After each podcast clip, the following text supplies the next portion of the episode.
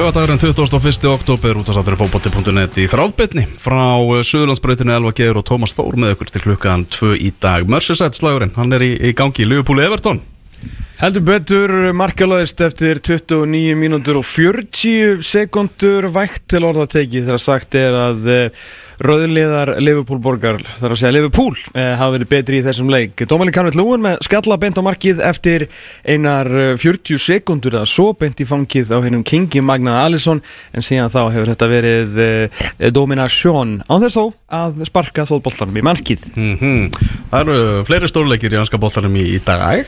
Það er sérstaklega, gómsættu leikur 16.30 Ég, það er enda sko ljómandi leikir í allan dag því að klukkan eh, tvö, þess að eh, klukkan breytist ekki fyrir næstu helgi og þá getum við fara að tala um þetta á alvöru tímum. En sem sé, eh, klukkan tvö í dag er aðaleikurinn eh, viðureik Manchester City og Brighton. ah. Þínum enn í Brighton að fara að eiga etja kappi við englansmeistarna sem eru nú til allra lifandis lukku fyrir þá búin að endurhemta mikilvægsta leikmannleysins í Rodri. Mm, hann er ég- komið tilbaka og síðan leikurinn sem þú varst að vitna til að sjálfsögðu í sítiðinu þegar Chelsea mætir Arsenal í alvöru lundun og slag Ég var með að lesa greini í Guardian eh, þar sem var verið að tala um það að Serbi væri já, bara besti kosturinn sem næsti stjóri Manchester City þegar að Pep Guardiola lætur, lætur á störum Það er svo leiðis Já, já, ok. Það var verið að færa rauk fyrir því. Ég las líka skemmtilega grein í, í gær uh, Ofurtölva, alltaf kaman á ofurtölvunum Jú, jú. Er þetta ennþá dimblá eða? Sem að Kasparov fann vann á sínum tíma? Ég held að þetta sé hún, Er það ekki? það sérum þetta. Já. En Manchester United mun enda í níunda seti. Í hans skúrastettinni segir ofurtölvan Dimblá Wow Kast er það. Dimblá maður. Þetta er nú ekki góð tíðindi fyrir alla sjónvarsrétt á í um gerðvallar veröld og sérstaklega ekki stuðnismenn Manchester United nýjunda seti eins og staðan er alltaf akkurat núna það er ekkit ólíklegt, þeir eru alveg svakalega ógóðir og nú, Við erum með Scott McTominay til að redda sér. Reyndar, Sofjan Amrabat meittur og það er alltaf síðasti leikurinn, það er fótbolti frá 11.30 til sko 10 í kvöld. Já, að Manchester United 7 Já, já, sjö já. Það er alvöru. Það er svakalegt, það er Lögut á sköld Það er alvöru, alvöru test fyrir Erik Ten Hag því ef hann er ekki eitthvað út úr því og þá kannski sjá eh, hérna, stjórnarmenn Manchester United eftir því að hafa ekki gert eitthvað í landsleikja hlýinu Já, þurfum að fara að heyri okkar manni tryggvapáli það sem Manchester United og þessi 25% sem að Sir Jim Ratcliffe er að, er að kaupa. Já, og hverju það mun, mun skila? Hann alltaf verðist alltaf, fyrsta sem hann alltaf að verðist vera hérna ná í mannin sem að maður held einhvern veginn þeir alltaf að ná í fyrir tveimur árum, hann er Paul Mitchell United Já, stuðningsmannin mikla sem var áður hérna við Magnús Byttumáli á, á Spurs og, og Monaco eða eitthvað. Þykir svona, nei, hann var hjá, hjá Leipzig segi, ég, búin að finna Ah. alls konar kalla. Á, var í Red Bull samstipinu Það er svo alveg, já, já, er það fullt framöndan í þættunum í dag. Ætlum þú bara í- komst með bók? Ég kom með bók, ég, sjáðu, punktar Punktar. Vá, þetta er ekki oft sem við mætum undirbúinir Nei, Heldur betur þetta var Spennið í beltin, þetta getur orðið almennilega þáttur í fyrsta sinni í nokkur ár. Bók frá Moldófi, þessi bók með þess Það er ekkert annað. Heyrðu, það er hann Andrúna Bjarnason. Arp, Hann er mættur í vestra. Engin haka sem fór í gólfið þar. Nei, ég, Ég var búin að segja ykkur að þetta myndi gerast. Já, eina sem kom á óvart var að þetta gerist ekki 0001 en 000001 uh, 16. oktober Já, Það var eina sem kom á já, að hérna, uh, það vægt til orða tekið þegar að settir að við vissum að þetta væri að fara að gerast uh, og hérna, þetta var svona svo gamlega góð 100% já Þú veist ekki bara klára að klippa þetta vídeo sem að byrta það Það Það. þau ekki verið aðalega aðrið að hérna, safna efni og ég treysti veistar að menn hafi líka fengið leiði til þess að byrta þetta allt. Þetta er náttúrulega úr allsvenskunni og svona en, en þetta er auðvitað þetta er reisastórt fyrir, fyrir vestra eh, og, og náttúrulega mjög augljóst. Og það er ekkit alltaf allir nýlegar sem mæta upp í deildina með eh, já, svo prúfen markaskorra að hann er í 19 markaklubnum Einmitt. Þeim svakalega klúbi uh, Andrúnar á línunni hjá okkur eftir. Svo ætlum við að skoða hvað er í bíó Hvað er í kvikmyndahúsunum Húsum landsins. Já, síðast voru að fara yfir hvað er í, hérna, í, í imbakassanum Einmitt. þegar við, Hannes Þór Haldursson sagði okkur hér frá e, þátturöðinni Skæin sem byrja á mánundagskvöldið á, á, hérna, á Ríkisbatteríinu og svo allar Smári Gunnarsson leikstur að segja okkur frá e, heimildamyndinni sinni eða myndinni sinni, bara ekki heimild þetta er ekki bara bíómynd bara bíómynd Svona- en, en jú, er heimild heim, kvikmyndarínir þáttarins Valur Gunnarsson, hann, hann fór í bíó og gaf þessari mynd hæstu engun Herru, hún fekk, skal ég þér segja, ég var búin að, greinlega loka glugganum minni í ger, hún fekk fjórar stjörnur í morgunblæðinu í Jaha. ger, hún er hluti af eh, RIF, Reykjavík International Film Festival Mhm. og eh, er sínd í, Bio, Bio Paradis uh, þessa dagana Mhm. og hérna, Líki smárabjó hún er smára björ líka, Já. ok, þannig að hérna, Smári með hana í smárabjó hún fekk fjórar stjörnur sem fyrir segir í, í morgunblæðinu og smára ætlar að segja okkur meira frá þessu á, á eftir en svona í grunninn fjallaröndum uh, mann sem að ætla að láta draum fæðir sem ræðast um um að spila uh, fótboltaleik á Hellisandi Já. Valger Lundal, hann ætlar einnig að kíkja til okkar Svíþjóðarmeistari og landsleismæður í, í fótbolta. Já, gaman, gaman að spjalla við hann Við förum aðeins yfir bara fréttir vikunar í íslenska boltanum og uh, það sem allir eru að ræða það er þjálfaramálin hjá, hjá KR Ánæði með Valpál Eiríksson uh, á stöð 2 sem fór bara í melabúðuna til að taka púlsinn á fólki. Hverja við, hvern viljið þið sjá taka við, við KR og það eru heldur betur ímusnöfn sem hafa verið nefnt Er ekki bara að fara að detta í það að bara KR ringi bara í Rúna Kristinsson og bara heyrði hvað er þetta?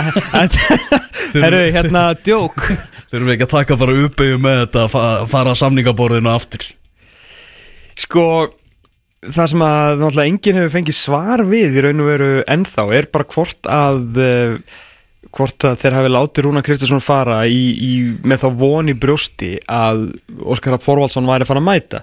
Því að Óskar Rapp Þorvaldsson var búinn að segja já við Káir mm. hann ætlaði að þjálfa sinni uppeldisklúb og hérna að Ég, skiptum ég er bara samningur, það er bara verið klár. Já, ég, meni, just, ég, ég veit það ekki, en eina sem ég veit er bara að þetta var að fara að gerast. Ég held við getum alveg sagt að það sé svona 100%, 100% að hann hefði þjálfa káir ef að uh, hann væri ekki verið nýraðan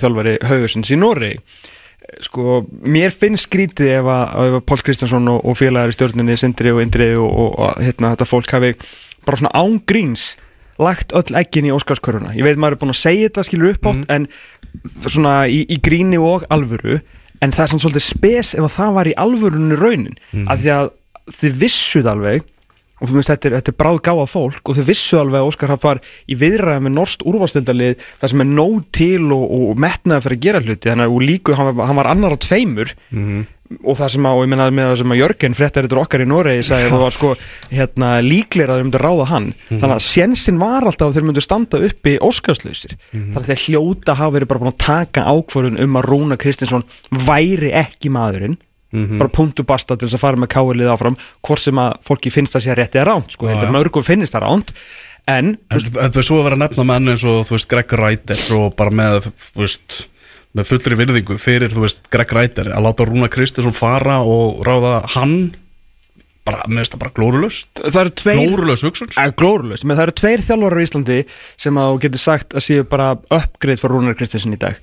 Annað þeirra var næstuði fann í er ekki og hinn er þjálfari Víkings. Mm. þá var ég að menna að þú er bara klárt uppgreið í dag. Síðan getur þú farið svona eitthvað svona sögulegt samingi þú getur farið Heimi Guðjónsson sem er auðvitað búin að vinna fleiri till en, en Rúnar en þú veist, við erum kannski búin að vera á svipuðum stað með lið á kannski svipuðum stað líka undanfæran ár. En, og, meina, en Heimir er líka með starf. Og síðan er þú veist Óli Jó sem er hann einhver staðar. En að Káir sé farið eitthvað með aftur með fullu viðringu niður í, í, í Greg Reiter maður bara, heyrðu ætlaði að láta Rúna Kristinsson fara sem var bara gera fína hluti. Mm og, og búin að benda á sjálfur í viðtörum núna þú veist, hann var með bundnar hendur þú veist, það var, það var ekki hann fekk ekki allar, all, allar peningi sem þurfti til að styrkja liðið og allt það. Nei, veit, veit. Þú veist, og miða við allt það þá svona, já, fannst honum þetta bara að talaði þannig eins og það bara fínast árangur þannig að sé.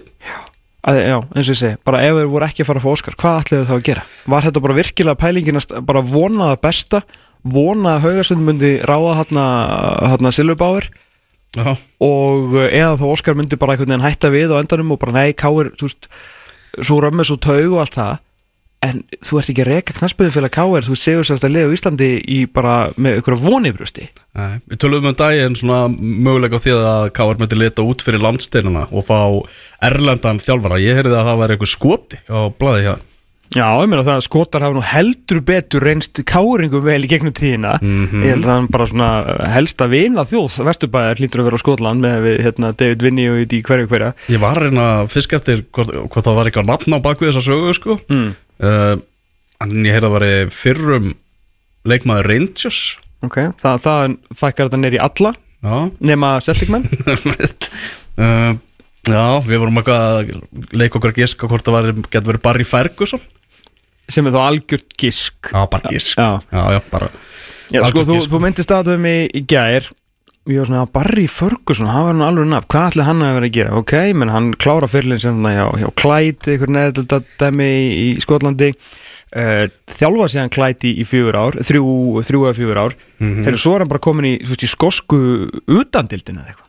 Já, Og búin að vera að þjálfa þar. Þannig að, sko, Barry Ferguson er allan ekki á þeim stað á sínu þjálfaraferli að uh, K.R. sé eitthvað brjálaðislegt downgrade fyrir hann. Þannig að ágætið skiss sko, það er mjög skemmtilegt. Ég meina Barry Ferguson uh, fyrir þá sem ekki muna, var alltaf líkil maður í, í, í stóliði reynsins á sinn tíma og séðan premjið líkleiki með, eh, með Birmingham og, og, og hérna og Blackburn. Mm ég, ég talaði við minn mann uh, Paul McShane sem er náttúrulega mikill Rangers maður. Og, og hann nefndi sko David Robertson sem bara er, uh, hann bara að hugsa einhverja stjóra sem eru veist, ekki með stórlið í dag og eru fyrrum Rangers menn sko. Já, er ekki Stephen Lennon líka reynsins maður? Jú, hann er það. Neil McCann er annar sem hann nefndi svona sem að bara vorum bara í, svona smá samkvæmisleik með þetta. Já, já, já. En sko, já, ég, ég er svona hálfpartin ekkert að grínast með þess að mögulega bara að taka uppi og bara fá rúnar aftur að, að samningaborinu hvort það sé besta lausnin fyrir, fyrir K.R.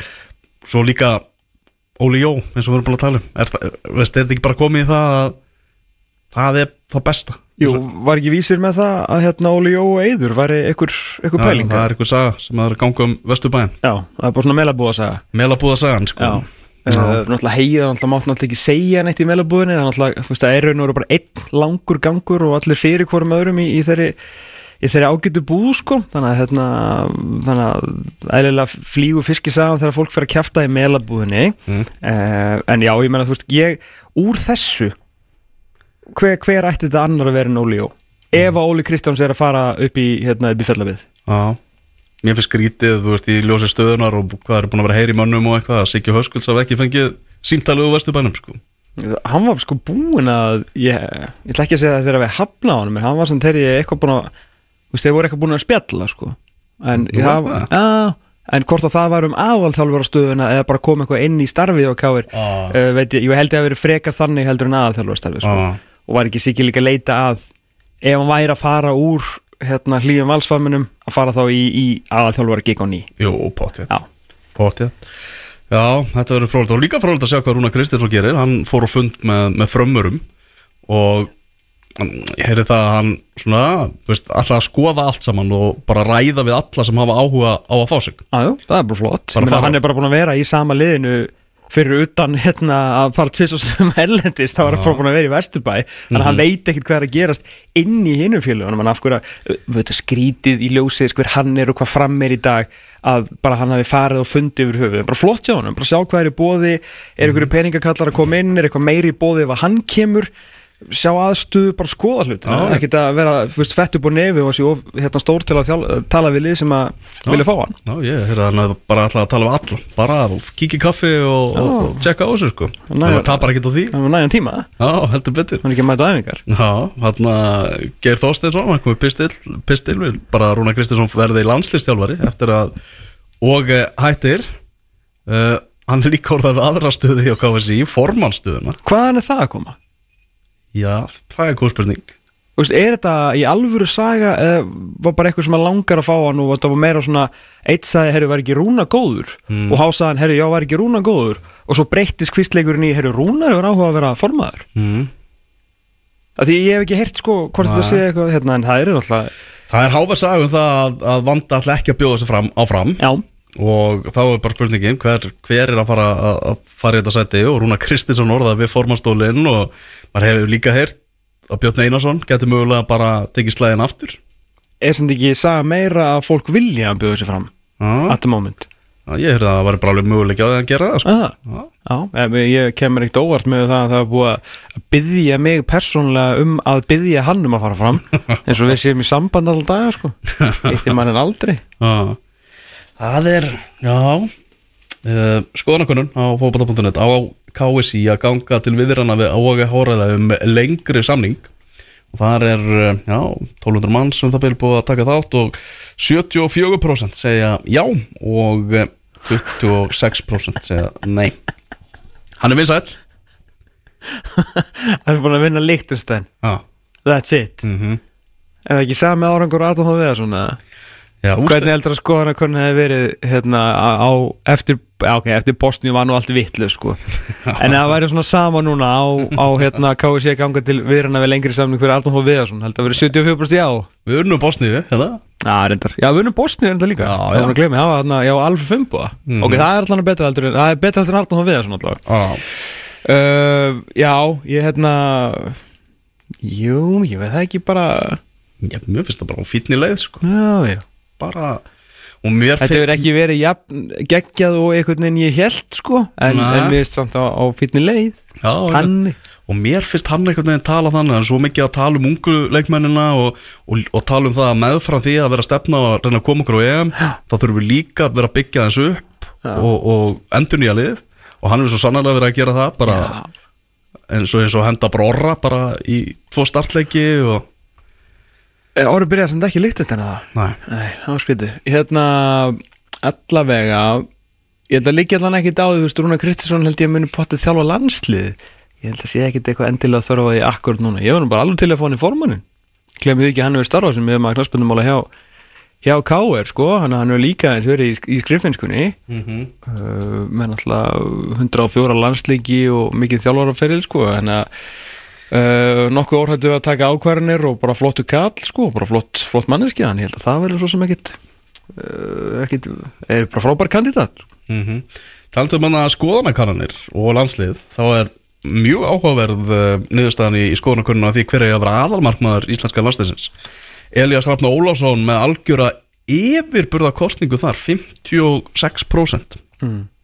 og nummer 2 Hákon Rafn Valdimarsson með 21% og uh, svo maðurinn sem hefur verið aðalmarkmaður landsliðsins Rúnar Alex Rúnarsson er þriðji með aðeins 14% í, í þessari að ég skal viðkynna það að við settum þessa könnun inn að ég bjóst við miklu jafnari baráttu um þetta Já í ljósi þess að þetta er á internetinu mm. og Rúnar Alex er í hópi með mönnum eins og Viðari Erni og fleirum þegar kemur að hérna, vinum á internetinu Mm.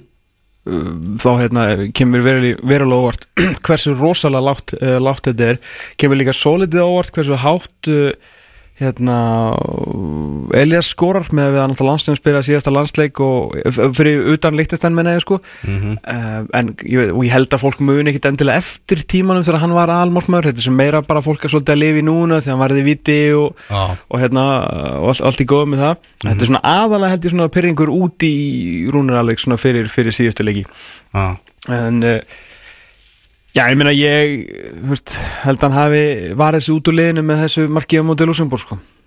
Ég, ég held að að Dagur hans hefur taldir á ný sko. Já, þú býstu því að Elias verði í markinu þegar við mætum Slovökum í november Já, ég, ég ætla, ég það er bara svona mittgisk annars, hérna, hann allan vantalega vildi sjá hvernig hann væri þarna mútið Lichtenstein, hvort að það segja eitthvað svo veit ég ekkert hvað hann er að gera, er hann að byrja í þessu portugalska liði allavega, hann, hann, hann er að spila fótbolta. Ah.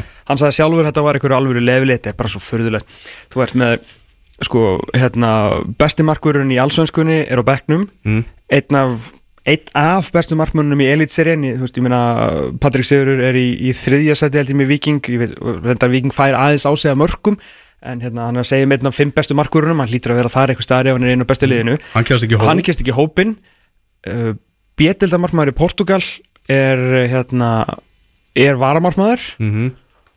og varamaður sem hefur, já hann er að spila vel fyrir Belgi, hérna hann spila vel í Belgíu fyrir ekki núnar þú veist, átti, Jú, átti jú. fín, fína tíma þar. Mhm. átti mjög fína tíma þar.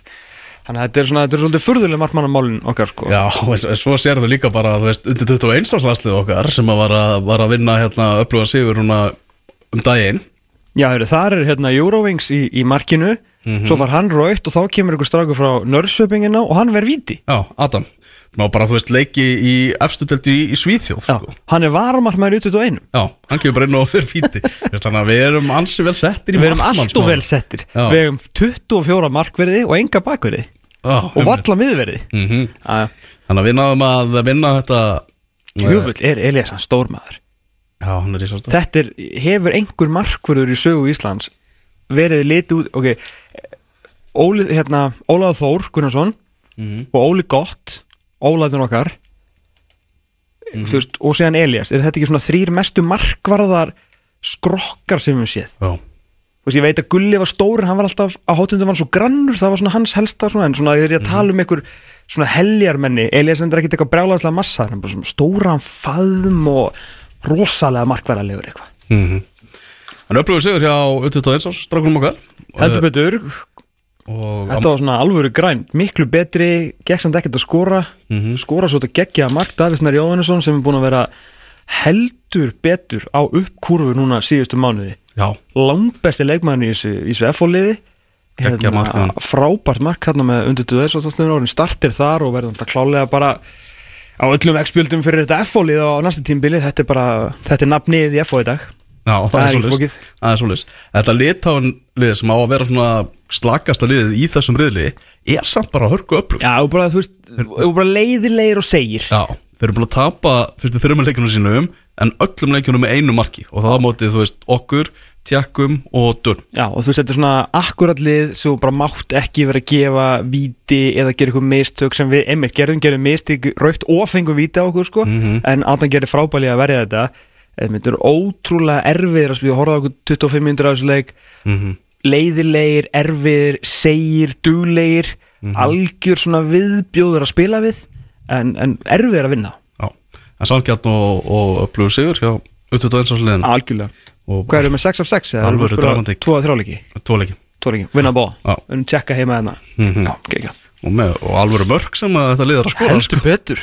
Það Það er verið að þrjusvonum í skeitin Það verður að fara að búa til einhverja góða markasirpu eftir þennan reyðil, ég held að það sé klart mál. Rétt að koma inn á enska að það er markalöst í Merseyside-slagnum eftir 45 mínútur pluss stóru tíðindin í fyrirhálegnum þau að uh, Ashley Young var reikin út af uh, fekk guldspjald á 18. og 30. og 70 mínútu og tvö gull eru saman sem raukt Það er svona oftast allavega. Ah. Herru þarna Óskar Rappfarin í Haugasund uh, Er Arna Gunnlaugs á förum líka út eða? vonandi ekki. Nei, ég, ég held ekki sko. Nei, en það er áhuga á honum Erlendis frá, lítur að vera. Já, já, já, ég glemd að koma í liðin síðast. Já, Sorry, við tísuðum þetta. Nú þarf ég að Fór, Fórum aldrei í þetta. Nei, ég að- bara, bara glemdist, ég var nú ekkert að reyna En hérna erum við viku setna og þá ætlar að koma með sænskuna á fótballtalið Tvö sænsk, eitt norskt Ok. Ég sérst þurfti að fara hérna leita að upplýsingafullrúnum mínum. Mm. eða hérna, eða hvað heitir svona informant eins og löggan með hérna svona. Uh, uppljóstrari. Uh, hér segir uppljóstrari minn annars er verið að orða uh, lið, að þess, það var vitna þarna í tvíti sem að Orri R var með um daginn. Já, og ég spurði, veistu eitthvað um þetta? Það sagði já, uh, verið er að orða Arnar við uh, Halmstað, Hamkam og Voleringa já Þetta, þetta er ekki, skil, þetta gæti verið kall sem þekki kalla orðan, fattur ég veit Já. ekki hvað er bakvið, en þetta eru liðin þrjú sem að, í Svíþjóð og Noregi sem að svona virðast allavega að vita hans til. Já, og erum með hann á, á okkur blaði í ykkur, ykkur skúfið á sér. Yes, heyrðu það voru uh, miðvarða tíðindi í gær úr bestu deildinni. Hans Viktor kynntur hjá Káa og Dúsan yfirkifu Káa og fór í FA Já, og er einhver mættur hendur Rodri til að knúsa hann?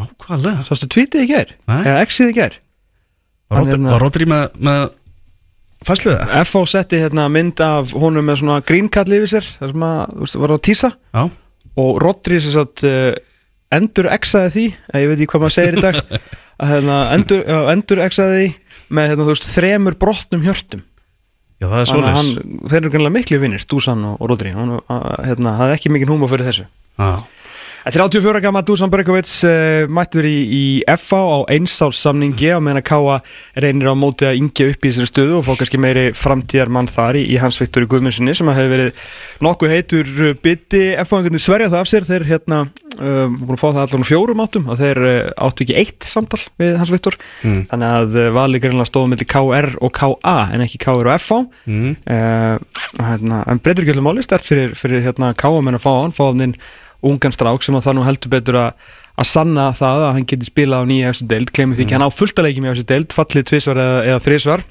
Mhm. uh, frábæri lengi deildinni á síðust ári en skulum ekki glema því að það hefur afskaplega litlu skilað að vera öflugur í lengjudöldinni þegar þú ert að koma upp og átt að gera eitthvað sérstaklega fyrir liðið eins og Káa sem sér nú að vinna titilin á síðustu leiti sko. mm 27 ára gammal, hann er 96 mótil hans Viktor. Og eh, hann á að vera dett á præmið nú sko. já, það er bara þannig. Og hann er alltaf komið með náttúrulega hellingsreynslu og búin að taka mikla ábyrði í þessu fjölunslið mm -hmm. undanfærin ár. Og fær áfram að spila í gulu. Já, Dusan hvað er hann að fara að gera með FA? Já, hann verður automatikli besti miðurinn í FH Já. Það er bara, hann er ekki, það er ekki svona að mæta inn í krika til þess að vera besti miðurinn í FH Þetta er náttúrulega meiri skamtíma laust en þeir náttúrulega þurfa að fara að stoppa eitthvað þessi gutt hjá sér og fara að verjast betur. Og Dusan Breikovic er náttúrulega virkilega, virkilega öflugur miðurur sem hefur líka á það svona á, á félagsgráni að gera aðra leikminni kringu sér betri. Ég meina Brynjar Ingi Bjarnason var nú bara landslýðs og atvinnumanni við, við hliðina á honum. Þannig að kannski er það eitthvað sem þeir hugsa líka. Eiga náttúrulega yngri leikmenn hann til, þess að- til að spila við hliðina á honum.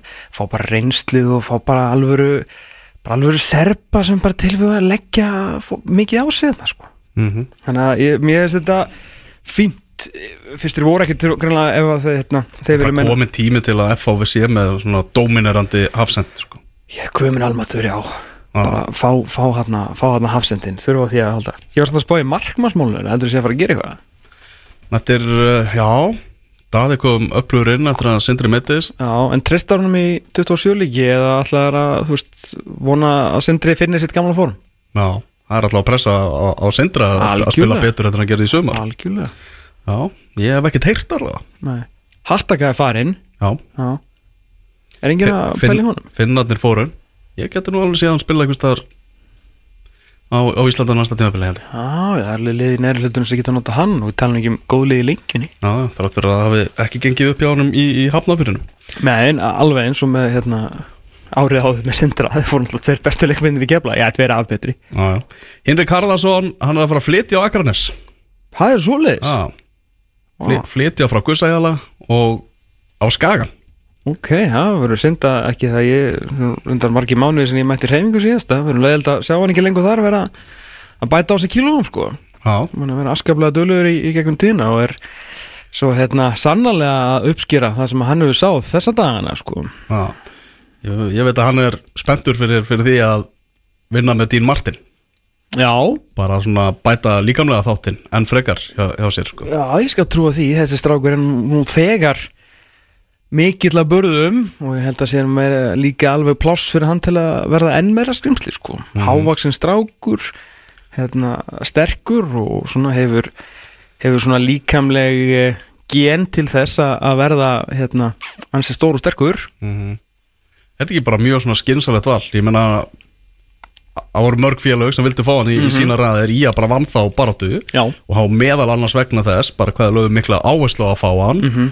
Og hann tilur að þetta sé bara góðu vettvangu fyrir hann að taka næsta skrif Jú, ég hérna ég held að hann hefði alltaf endað í annarkvort í skaganum eða í liði eins og skaganum sama hver hefði fengið hann. Þar að segja held, ég held að hvorki vík, til dæmis vikingur nýja valur hefði startað hann á næsta tímbili þetta er meiri svona prótsett-leikmaður þar. Mm -hmm.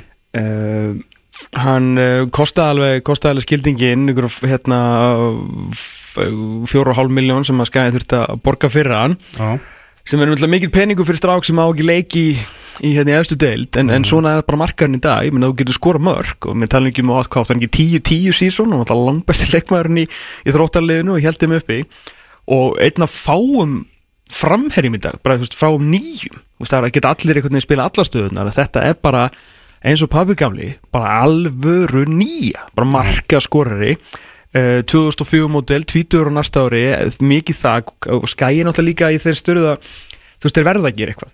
Ég veit að liðum hérna, fannst þessi verðmiði svona frekar galinn fyrir mann með ekki meiri hérna, uh, ferilskrá heldur en þetta skæðin er bara, veist, bæði eiga peninga og ef þeir ætla sér að, ég, hérna, að gera eitthvað á ný, veri ekki alltaf í þessu helvitis jójói það bara þurfa að eða í svona pening eða svona pening og, og bara fá hann að strák til sín. Þú ert líka, líka að fá skilur, þú ert að fá ungan Íslanding ungan Íslanding Þú ert ekki að sækja bara einhvern svíja Einmitt, 32 ára eða eitthvað. Og maður svona giskar á líka giskar á það að launatsekkin sé kannski aðeins herri þarna aftur því að skæðin alltaf og að þegar Hinrik sagði þeir fóru all in ég veit að ég átti mig á því að það fjallar um það að veist, Dino ætlar að vinna með hann og hann á mæntilega að starta hann og tala ekki með allir fjóri fyrir og tvo það verður nú ekki eðlilega leðilegt að glíma við hann og Viktor Jónsson hann saman í loftinu. Getur orðin að alveg hálóft og bolti á skamunum en það segir manni líka þeir hafi nú aðeins sett líka seðilinn á borðið sko, og bara vel gert á skaganum mm. Seðlu til, bara nýta hann í, í Já, þetta er alltaf töluvert betur farið með fíð heldur en þeir hafa gert við stóru sæluna sína hinga til Mhm. að, hérna, að landa, landa Henrik Haraldsson og þetta verður, þetta verður mjög, mjög spennandi sko. mm.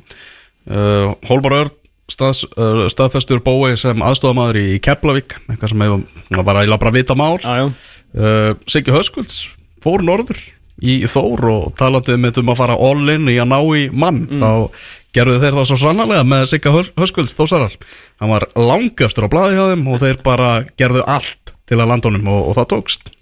Sko, er maður að lesa rétt í þetta að þeir voru með tilbóð upp á X mm. en hann vildi Y ef hann átti að flytja norður með fjölskylduna og taka við Þór.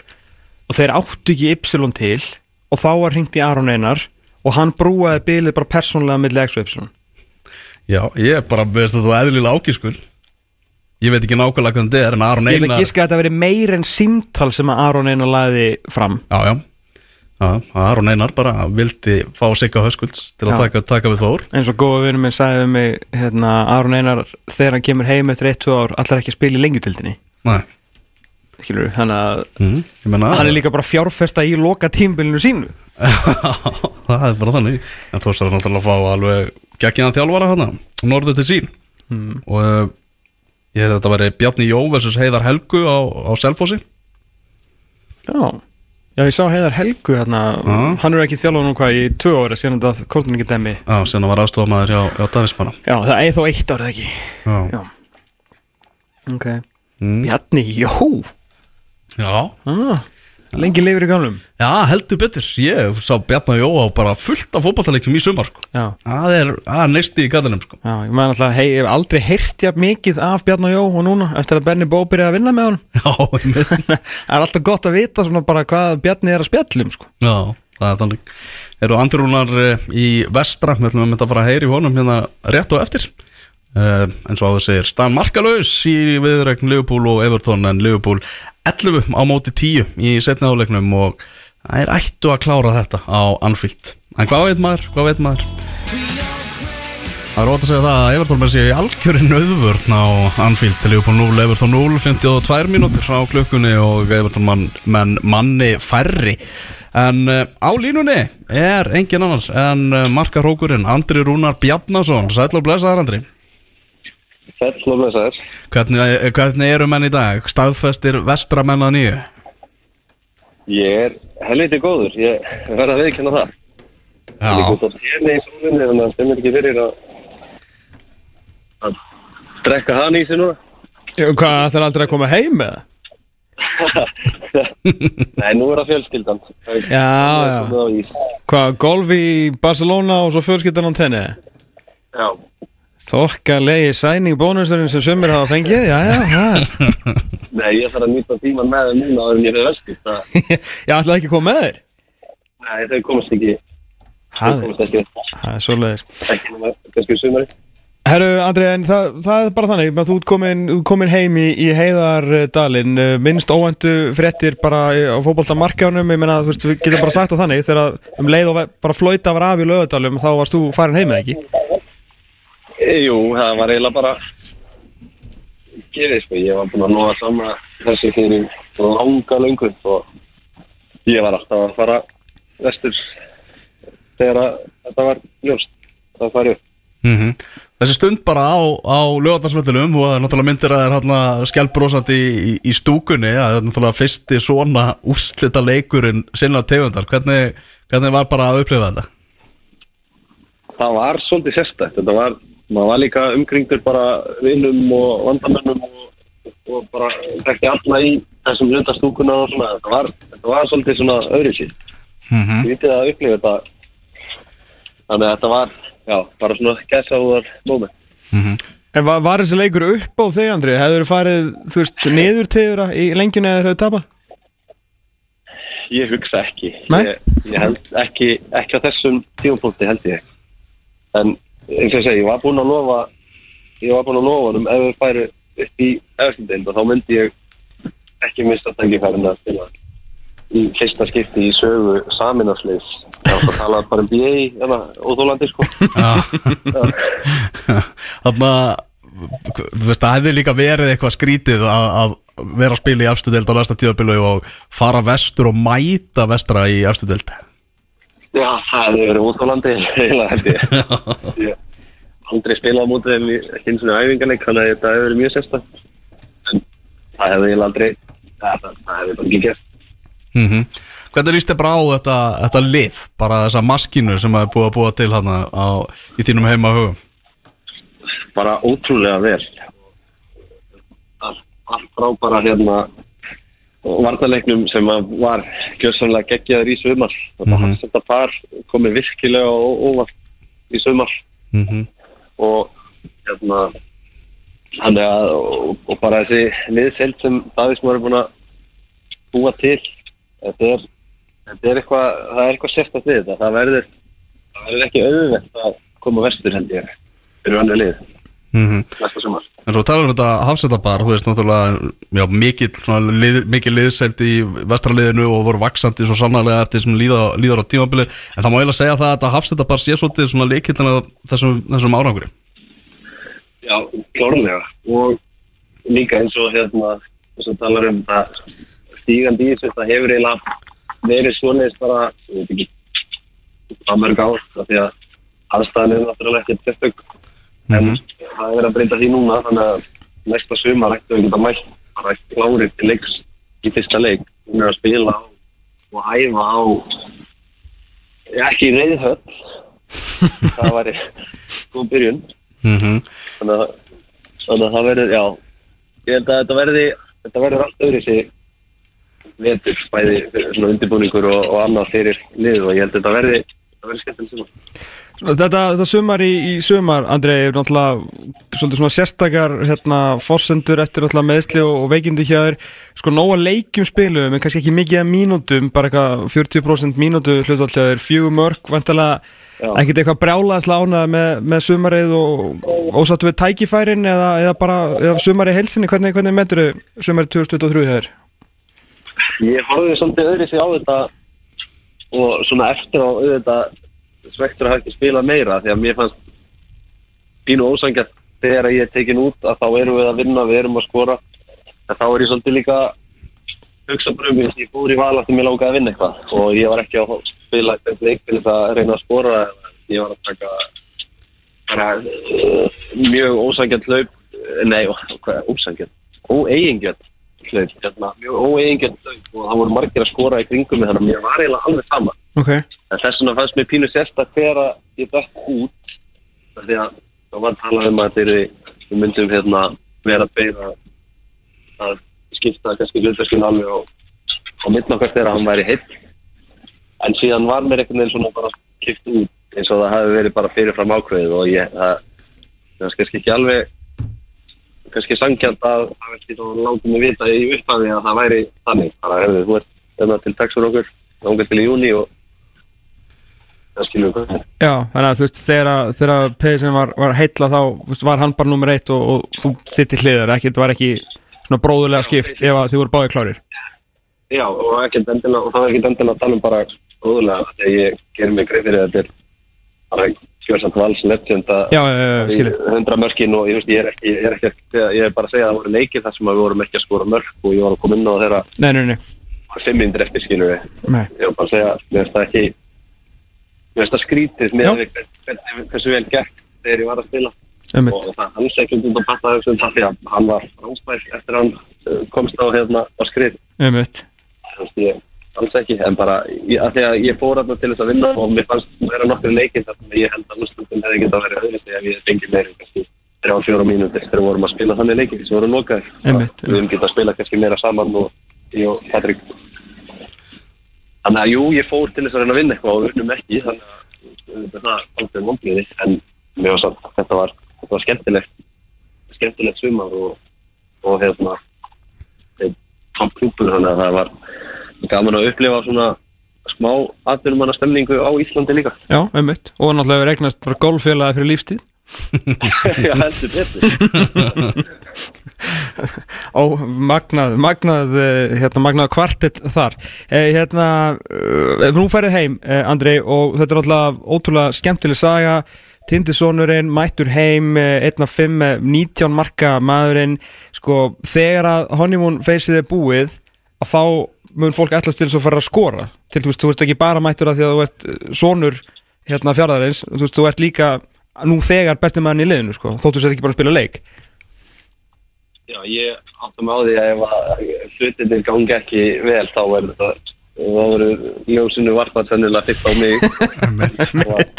Og vera með helviti breytt bak í það en, en ég hef bara einhvern veginn það mikla trú á að við verðum með með sem gerir eitthvað. Og, Já, og ég, ég held að fara upp um, um deild og ekki hugsa stórt sé bara disaster þannig að ég, og, og mér finnst það á, á sama á Davíð að það, það er ekkert bara vera, það á ekkert að hanga í deildinni á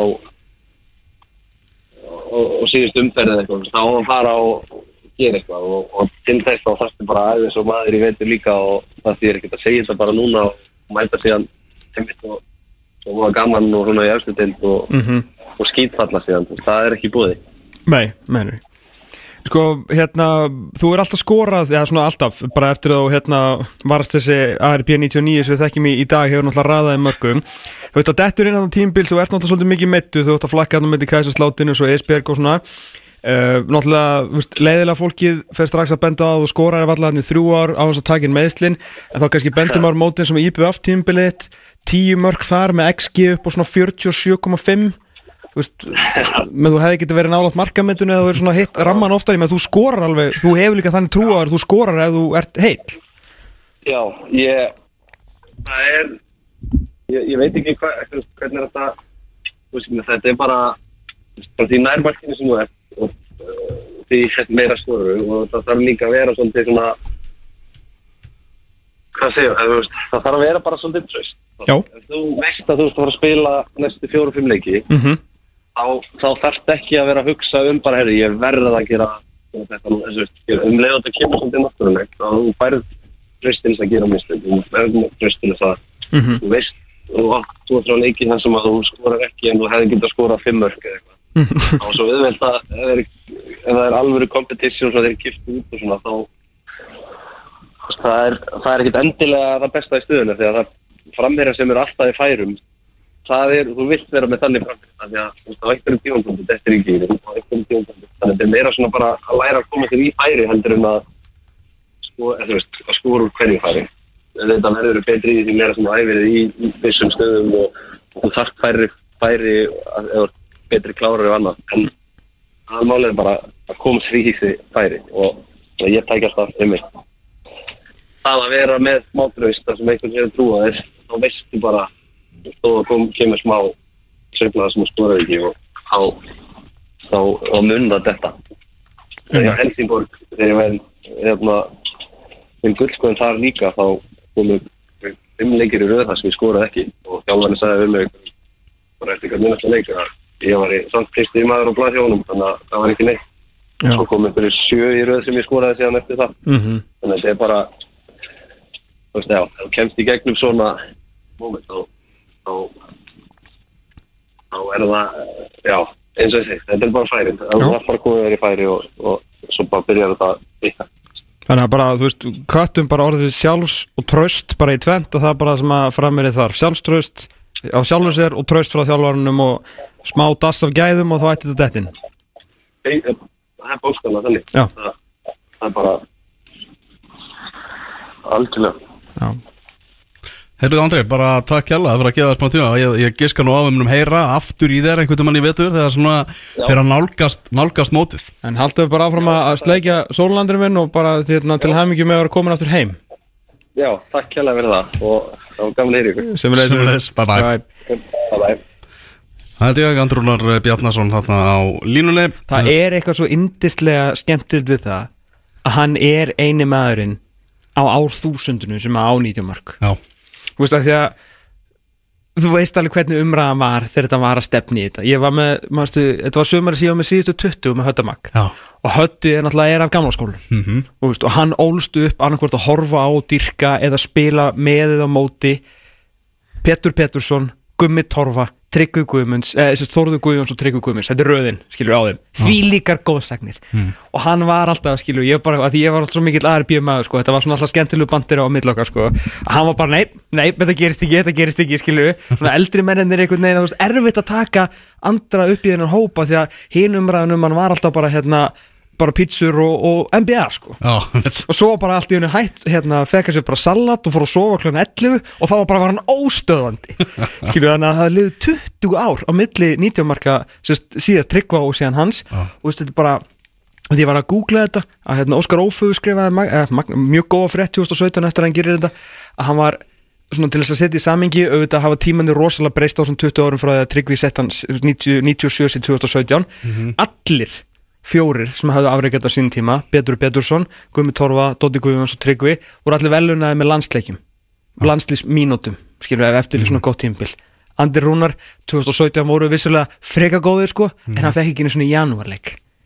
Fattur við, það er svona ég myndi svona ímynda mér að hann kannski þeir voru ekkert að drífa sig að senda jakkan á hann en hann er, þetta er algjör töffari. Ég, hérna, hann er karakter sko. hann stundur svona kemur fram svona sem, þú veist, sprelligósi og þetta er þetta lettur og skemmtilega strákur. En ef þú fer aðeins inn fyrir hann sko og tala aðeins við hann og eins og heyrðu líka í þessu viðtali þetta er algjör helvítið stafari sko. Heldur betur heldur betur, við vorum að tala meðal hans um miðvörðina, miðvörðaparið uh, Morten Olsen Hansen og Gustaf Kjeldsen Danirnir sem er, er, eru hafsendaparið hjá vestra Já, voru, ég- voru, voru að skrifa undir nýjan samning Já. nýjan samninga, þeir verða áfram hafa greinlega bara algjört forgáksverkefni eftir að þeir komast upp að, að tryggja sér þá áfram því að þeir spiluðu feikilega vel saman að hérna við áttum stuðspjall við, við þjálfaran á hérna eftir á þetta örlega ríka kvöld mm Mhm. spjallum við aðeins við hérna Davíðsmára og hann var nú ekki með miklar yfirlýsingar en hann lofaði einum hlut og það var það að þessir menn getur spilað í extra-dild Já, það, það var bara hann það var margt sem hann geti þurft að hafa ágjur af aðstúðumál, fylla í liðið finna ykkur leikmenn, en þarna var hann alveg góður. Mm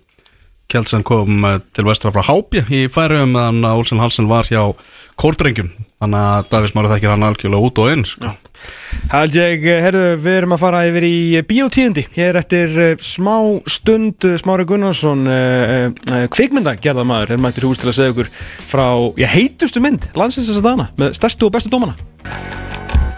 Það held ég að staðin þá markalaus yfir að Gleifbúl og eh, Evertón og svo sannlega í Varnarham Evertón menn eru hér að eh, verjast með ráðum og dáðum enda manni færri 20 minnur eftir af leiknum á Anfield Það held ég, uh, hér fyrir viku síðan vorum við með sjómarstíðindi vorum að fjalla um Skagan í heimilta þátturöð uh, Hannes Þóra Halldórssonar og Kristján Jónssonar um Skagaleg 1992 til 1996 en við ætlum að halda okkur endur á Vesturlandi uh, náðum tilteki á Hellisandi og ætlum að aðeins að fara yfir nýja heimilta mynd sem að hefur svo sannarlega verið að vakja, vekja mikla aðdegli á Reykjavík International Film Festival eða RIF myndin heitir heimalegurinn og er eftir uh, Smára Gunnarsson uh, mikinn uh, sem er náttúrulega fyrst og fremst kveikmynda framleiðandi og leikstjóri en líka mikill fótbolta áhuga maður og hefur náð svona samtfinnað þetta einhver leiti Smári mættur í, í fiskabúrið Hell og Sælunur, hvað segirðu?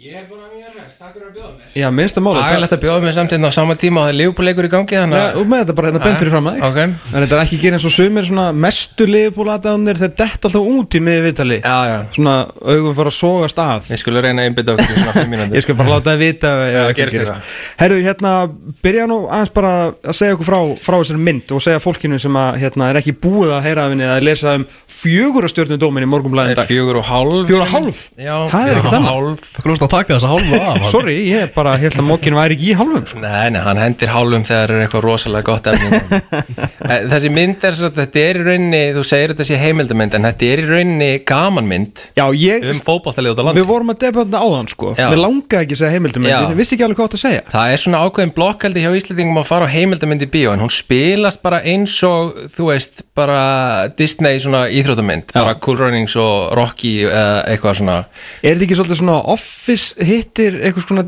Disneymynd? eitthvað Jú, þetta er svona fly on the wall Já, svona einmitt. dæmi og það eru rosalega fyndnir og skemmtilega karakterir í myndinni sem þú kynnist svona í klukkutíma og svo byggir þetta upp að þessum eina leik sem að fólki á Hellisandi er búið að vera að býða eftir í 25 ár þá byggðu völlur þarna 94 sko Já, kóttum við baksöðuna eins Já, völlurinn er byggður 94 og maður sem heitir Viðar Gilásson hann let byggja völlin og hann skráði ungmennafélagi reyna á Hellisandi í mjölkubyggarinn 96 Já. til að reyna að fá vikslu leik fyrir hann að falla völl undir snæfisökli mm. og þeir dragast náttúrulega bara á útivelli í fyrstu umferði í mjölkubyggarnum á móti golfklubbi Grindavíkur Rísunum í Grindavík og tapa þar 10-0 þannig að draumir var úti og bara tráma það mikið að þeir bara reyndi ekkit aftur. Fyrir hann að sonur hans, Köttu, 25 árum setna ákveður bara að þetta gangi ekki lengur. Nú ætlar hann bara að fá hann að heimaleik skráður aftur í byggarinn og eh, ef þið kikið í bíó þá komist það að því hvort að þeir fengu heimaleikin eða ekki sko hérna, en af hverju var ekki spilað aftur á þessum velli fyrst það var gerður? Sko, ég held að bara hafi, út af því að þetta gekk svo svakalega illa á móti golfklubnum að, að menn bara, hérna, þorði ekki að taka slægin aftur, sko. Ég skilði Það var sko ekki starfandi liðarna þegar völlinu var gerður. Þetta var aðalega gert svona fyrir, held ég, yngri flokkana til þess að þeir geti verið með eitthvað pollamót og eitthvað svona. En þetta er náttúrulega full size völlur og ógeðslega flottur, þannig að þeir vildu reyna að fá kannski eitthvað stórt lið í fyrstu umferði byggar, bara svona smá húlumhæ Já, en svo bara gekk þetta það illa það bara það var ekkert engin stemning að halda áfram sko Nei. það voru náttúrulega bara einhverju sjóarar og eitthvað lið sem að sjanghæði þetta Mhm. þeir segja mitt í myndina að þeir halda bara allir sem kunna hlaupa á hellisandi voru tekni með þetta batteri þarna á sínu tíma en það er enda mjög svipað hérna, með þetta nýja lið sem að Kári Viðarsson safna saman það eru bara gömlu sjóarnir, það er einn úr gamla liðinu sem spilaði 96 Já.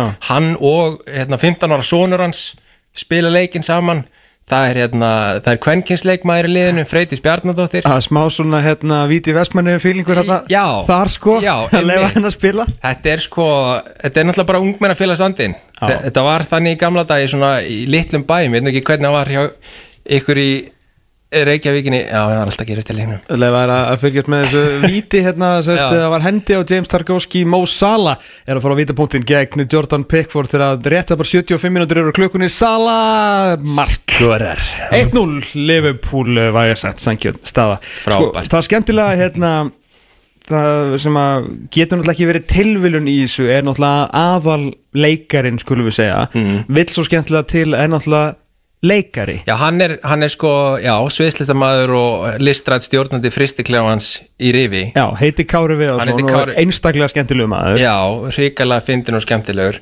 En það sem við pössuðum upp á var að klippa allt út sem okkur fannst leikið hjá hann Þannig að þið eru að fara að sjá Kára við svona í fyrsta skipti einlagan eins og hann kemur til dyrana Ok En hann sko og pappans Viðar Gilásson hann er sko engu síðri hérna persónuleiki sko. Rosalega fyndin, hann er náttúrulega bróði Dóra Gilva og, og það er hérna það er eitthvað að reiki núna hvori fyndin er bróðurinn Ok. eftir að myndi koma út sko. En hvað, hérna, hvernig byrjar þetta? Veist, hver er, bara hver er fyrsti snertiflutur? sko Kári bara sá okkur frá þú veist þessu dæmi. 25 ár síðan að völlinu var gerður. Hefur ekki verið spilað á honum út af hérna, golfklubnum okkur fannst það bara svo fyndið að við byrjuðum bara að taka upp. Hann sagði bara ég ætla að reyna að ná í lið. Veist, fá fólk til að mæta æfingar þannig að við tókum upp í heilt ár mm. og sáum þetta lið vaksa frá því að vera þeir voru tveir bara á æfingum fyrsta mánuðin og svo, þú veist, voru þetta orðinir held ég 30 þetta voru 30 manns þarna hópurinn í lokin. Og Kári vildi náttúrulega að allir fengi að spila þannig að hann var að díla mikið við KSI þið sjáu það ef þið farið á myndina það KSI er svona eiginlega svona vondikallin í þessu. Eru svona reg, regluverkið og Kári er að reyna alltaf að fá hérna leifi til að vera með fleiri leikmenn leifi til að fá freyti sín alltaf til að spila í mjölkuböka Karla sem hefur engin fordæmi. Hmm. og það er svona helsta konfliktið í leiknum. Fær freytis að spila eða ekki? Og það sem gerðist hérna á leikdegi er í rauninni bara kraftaverk en það er, hérna, við getum bara ekki talað um það og það er svo ótrúlega gaman að sjá það í já. að þið vitið ekki hvað gerist Þetta er alvöru Disney, með nornina líka bara og Já, það er alltaf, alltaf að gerast í þessu sko. En þó, hérna, það er vera þetta er alltaf frumsýning er í gangi núna eða svona, þú veist, það eru fyrstu sýningar og frumsýning daginn við, við hátilega töp Mhm. en þú ert náttúrulega búin að sína hana ekki og vinna fyrir hana velun Já, við erum búin að fara á tvær kvikmyndaháttir og vinna áhrandavelunin á báðum Já. er, Skjaldborg allavega já, það er two for two og Já. svo fórum við til Malmö á hátíð sem heitir Nordisk Panorama sem er stærsta heimildmyndahátíð í, á Norrlandunum Já. og pökkuðum henni saman líka sko. Það er svo leiðis bara. Það er bara og Ja, er alltaf, við vinnum alltaf áhærenda kostningun út af því að við, með heimildamindir þar eru yfirleitt eins og, eins og þið vitið, með heimildamindar eru oft mjög svona alvarlegar og, og fjalla um stríð eða, Já, eða eitthvað svona. Við erum bara með fílgút mynd þannig að við erum með áhærendu með okkur í liði og það er bara geggja stuð að fara á svo mynd í bíó. Já Hvað hérna, hvað, hvað tók þetta langan tíma í bara að gera þetta? sko, við tókum upp í heilt ár Já. og svo tók tvö ára að klippana, finna söguna og lita, leðrétta og hljóð og allt svona sko. Sko nú hérna að því að nú er hérna, þetta búið rosalega mikið í gangi núna síð undarfærin ár allt í hennu kom bara eitthvað mega sprengja í hérna þáttagerð heim, hvað sem við kallum þetta heimild eða bara þáttagerð um íþróttir í heldina Uh, náttúrulega allar veiturnar fóru í þetta All or Nothing með ennsku liðin hjá hérna, fyrst náttúrulega NFL og svo hefur í ennsku dildina hjá Prime. Netflix búin að vera í, í hinu og þessu Sunderland, Leeds og Wrexham. allt mm bara endalust uh, af hverju komur sprengja föttuðu, ég ætla að giska á að kveikmyndagera menn eru reyna já, eru þeir kannski að fatta þetta á eftir félögunum eða félögunum eftir þeim sko, ég held að þú veist, það var ekkert til fyrir 6 árum Nei. og nú er til 8000 Já, ég held að það hafi bara, þú veist, það var það var ein rosalega flott íþrótta heimildamind gerð sem heitir Next Goal Wins sem fjallar um eh, lélegasta fótballtalandsli í heimi Já, frá. Amerikan Samoa. frábær mynd. Frábæð mynd. Ég held að þe- þegar hún var að koma út að þá var að verða þessi vitundavakning að þetta væri efni sem að fólk horfir á. En þetta er bara svo sammannlegt þú veist, fullt af fólki sem ég þekki sem hefur engan áhuga á fótbolta elskar, þú veist, Sönderland til að dæ mm -hmm. Það er mannlegt, Já, sko. þú ert að fylgjast með fólki sem hefur ástriðu fyrir ykkur og þetta eru yfirleitt mjög sérstakir og fyndni karakterar sem er verið að elda og það er bara eins og við erum með í þessu sko, þetta er bara alveg mjög svipaður fílingur sko eins og Wrexham og, og þessir þættir sko. Já, en allt þetta sem hefur komið út en ég myndi segja 95% af þessu er allt eh, á veitum eða og eða í sjónvarpi. Mhm.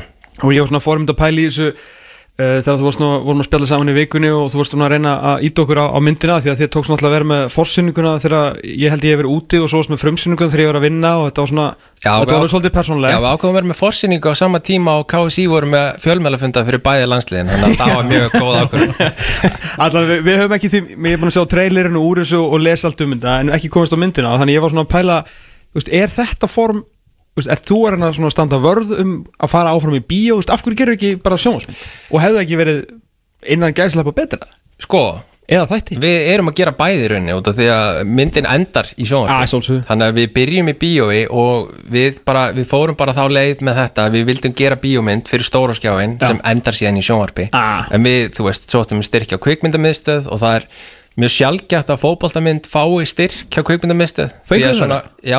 gert. þannig að á pappir þá hefðu við kannski ekki átt að fá. En ég held að það sé allir- skrifaður bara Baltasar.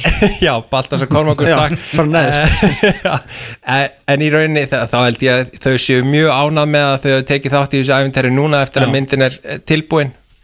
Þannig að þú veist, það sem við erum í rauninni að gera er bara að reyna að hvetja íslenskt fótbolta áhuga fólk þótt að myndis ekki bara fyrir fótbolta áhuga menn Nei, nei, nei. en sérstaklega fyrir þetta samfélag af fólki sem hefur áhuga á fótbolta að endilega koma í bíó og sína sagt, hérna, menningar heimum að það sé markaður Mhm. fyrir þessu og það er bara ógeðslega gaman að horfa á þessa mynd saman í hóp og stóru skjánum byggjum upp að einum leik og í flest skipti sem við erum að sína myndina fyrir fullan sal þá er eiginlega eins og fólk sé að horfa á beina útsettingu af ah. úrslitaleiknum á HM fólk er að öskra á skjáin og klappa og það er bara ótrúlega stemning sko Kekja Já, ríkala skemmtilegt Já, ekki spurning, hvernig er þetta alltaf til að, til að fara Er þetta fyrsta svona íþróttaverkefnið?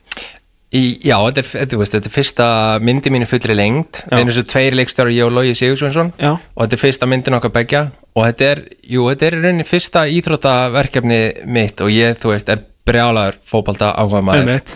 Þannig að, þú veist, það var eiginlega no brainer ef við myndum gera þetta svona. Já. og núna, náttúrulega kjölfarið á velgengni myndarinnar þá er verið að hafa sambandi okkur núna um að gera meira fótbalta efni Ok þú kannski fréttir af því eitthvað tíman Það er lítur á þetta inn sko. Ertu komin heima? Varstu ekki Nei, beisaður í Nei, ég er að þau í London. Já, það ekki? Já, einmitt, einmitt, einmitt. En maður svona hoppar á milli. Já, það er svo gaman að hérna, vinna hérna á Íslandi. Já.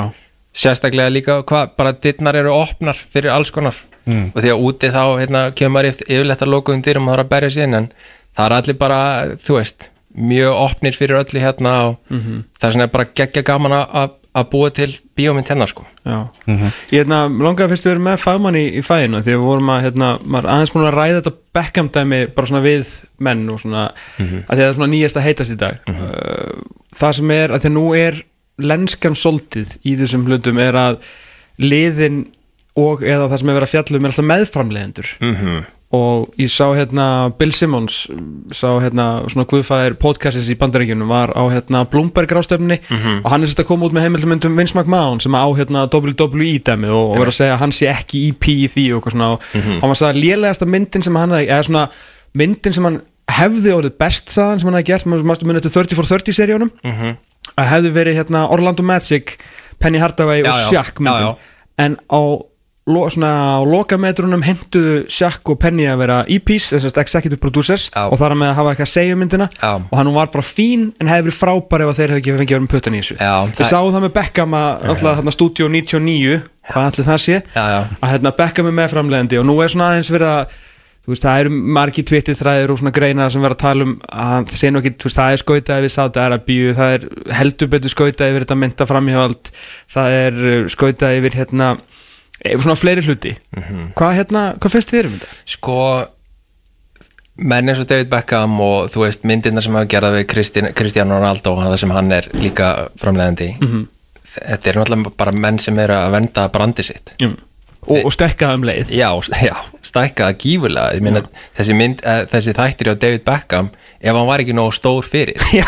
þetta er bara það er bara ný kynslu já, bara ný kynslu það er bara nýtt hérna Beckham æði að að koma í gagni þetta, þú veist er hann, er, hann er engin bjáni, menn hann, er hann er komið lið, hann er komið Messi Já, og nú er hann að stækka sig og það allt í kring. Þetta er bara mjög klár gæi. Það er bara þannig. En svona in integrity þessu er svona aðlega að pæli fyrst fyrir þetta í töðunar þær? Nei, í rauninni fer þetta ekki töðunar að mér út af því að þú veist, við sem fylgjumst allan með öllum, við vitum þetta allt og það er bara verið að búa til skemmtefni í rauninni og það, þú veist, það er alltaf talað um eins og ég segi með heimildamindir og eitthvað svona það er alltaf hægt að rigga ykkur til sko, eins og ég horfði á hérna Kristján Ronaldo myndina, hafið þið séð hana þessa nýjustu, hann er búin að gera tvær held ég. Ég ekki, þetta, ég veit alveg hvernig þetta er. Já, það er bara ótrúlega mikið að senum það sem hann er bara eitt með sinni sínum að lesa bók í ykkur svona ógeðslega flott lýsingin í húsinu hans og eitthvað svona. Ég bara, ég, kaupi það ekki sko. Lýsinguna Já, lýsinguna. Nei, nei, bara veist, ég er En þú veist, menn eru bara að búa til content og það er, þú veist, það er eins með myndin okkar við höfum geta gert hana á miljón mismunandi vegu en við ákveðum að klippa hana ein, og svo hún spilist eins og leikin bíómynd Já. þrátt fyrir að það sé engin leikin sena það eru engar hérna, second takes Nei. við sögðum engum að segja neitt Nei, nei. en við klippum myndina þannig að hún bara er hröð og skemmtileg og frammyndan er bara eins og einhver hafi skrifað hann í Hollywood sko. er þetta ekki líka bara málið, þú veist, þú velur hvort þú ítir og play, veist, þannig að þú veist, kannski Já, já. erfitt fyrir að vera eitthvað pyrraður en ef þetta væri, þú veist, 60 mínútur framleiðir, Já, þá er kannski til í meiri emitt svona dýft, sko. Já, já, ég held, ég er klárlega sko. Já. og það er líka, það eru mismunandi gerðir af heimildamyndum, það eru svona frétta Mhm. heimildamyndir sem fólk verður alveg brjálað ef það er ekki allt coverað. En ég held að eins og þetta David Beckham dæmi, fólk getur ekkit verið brjálað yfir því að David Beckham, hann er ekkit í blaðmannafélaginu sko. Nei, emitt, og ekki fyrsti Steven heldur, sko Nei. sem gerir þetta. Nei, og eins og segir bara content, ég meina það er bara verið að búa til hann, er, hann er í raun og veru búin að vera í content bara sannum, já, bara, Bara- á undan öllum öðrum já, sko og náttúrulega bara sem leikmaður. Já, bara fyrsti influencerinn. Já, þú veist, fyrir nákvæmlega, sko. Bara hérna alla klippingarnar og allt þetta og skotnir. Ég var bara, ég var eiginlega ekki búin að ákveða hvort ég ætti að vera pyrraður í þessu, sko, af því ég var það ekki fyrst. Nei, svo var ég næstu ég búin að skipta um skoðan en nú er ég alveg hættu ég held að þetta bara að vera glað með Já, ég er bara glæð með þetta, mér finnst það mjög skemmtilegt. Bara sælir og glæðir Já, það var bara Æðislegt. Hvernig get ég Herru, það er smára bíó, það eru sýningar eiginlega held ég þrísor á dag, alla dag hún er, er búið að prógramera hana til næsta fimmtudags, þannig að fólk verður að flýta sér í bíó, Bíóparadís líka held ég ein sýningu dag, þannig að endilega bara kíkja á heimasíðan hjá smára bíó og Bíóparadís. Já. Til að fá tímana. Endilega og við maður styðja við uh, ísl, ekki bara íslenska kvikmyndagerð til sérstaklega við, við íslenska íþrótta kvikmyndagerð. Það, það er alltaf skemmt Smári Gunnarsson uh, til hamingi með þetta á heimalegin og fjóra og halva Fjóra. stjórnum morgunblæðinu í dag. Og líka til það mikið með það að Leopold hafi skorað með að þú varst í villali Já. það er bara það besta sem við gestur um í dag. Við höldum áfram eftir augnum Já, ljúfir eh, píanotónar hér á X977 Er það uppátt tími í leik Leifupúl og Everton? Staðan ennþá 1-0 fyrir Leifupúl Mosala úr eh, vítaspinnu, nýju mínútum bætt við og fjórar mínútur linar af eh, þeim nýju sem, sem uppgefnar eru Það held ég uh, Liverpool að fara að sigla hér enn en einum sérunum með allan að enn einu ekki tapinu í uh, Merseyside slagnum og hvað þá á uh, heimavelli. Herru það er gestagangur í fiskabúrunu þennan laugadaginn. Smári Gunnarsson farinn, þið ætlu öll að kíkja á heimaleikin, Mhm. eh, ekki rugglast á því og heima banen sem er náttúrulega þættir sem voru á norska ríkisvöndspunum sem voru enda alveg frábærir. Mhm. Eh, og en- ekki heima á vellinum heldur sem er uh, podcast um kvannafóbólta Já, vá. Herru, úf, herru, þetta er bara eða flóknarinn þegar ég fór á stað með þessa setningu. Já, En uh, það er hægt að rugglast Nýr gestur fiskabúsins er uh, Svíþjóð mestari, hann er bakurur, hvort það sé hægri eða vinstri, hann er landsliðsmaður, hann er gravarvogi og hann heitir Valgir Lundal Freyrisson. Uh, Hell og sælunum, blessaður. Blessaður, Hvað segir þau? bara mjög góður, Er það ekki? ég er góður Er þetta ekki fyrsta sem þú kemur heimsótt til okkar? Þetta er bara, jú Vá, stór stund fyrir þig. Þetta er líka bara í fyrst sinn bara í live radio Það er er ekki. Vá, wow, herru. Það var ekki bara úrskæði sérna sko. Nei, ég hafa fyrir sjaldan úskeiði sér, við erum lóð gamli til að vera með eitthvað vesinn, sko. Herru, hérna, þú kemur inn á hækjum, Valgi minn, uh, hérna, að dast út úr þessu vegna meðsla hjá, hjá Hekken, Hva, hvað kom fyrir? uh, Í síðasta leik bara rétt fyrir landslíkilið á hérna Hvað, ég var bara að sparka boltanum og ég snýri eitthvað aðeins upp á öklan og lendi eitthvað illa Nei. En uh, þetta er semst eitthvað sprunga í ykkur beini Já. Annað niðri, ég veit ekki alveg hvað það heitir En, en bara eitthvað sprunga.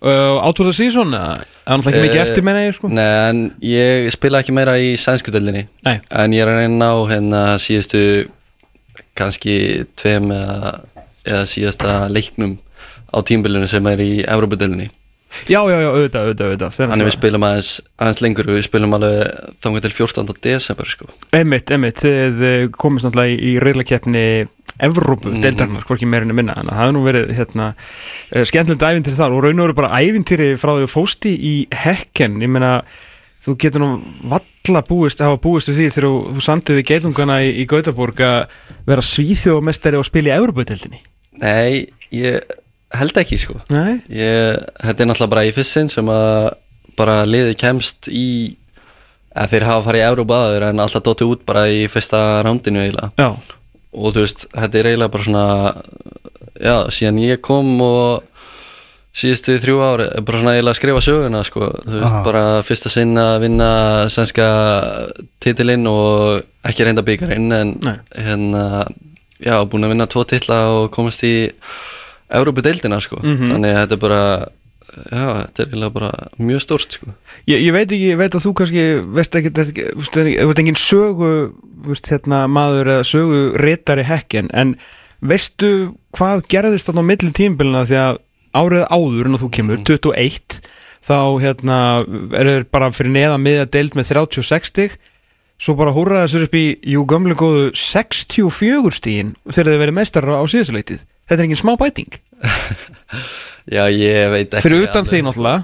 Já, og, hérna, já. var, var mikið spýtt í eða þú veist hvað var ég Ertu að tala um þegar á, Árið áður en þú kemur Áður en Eru ég þeir bara, bara Nei, þá náður En já, já við náðum Evrópu.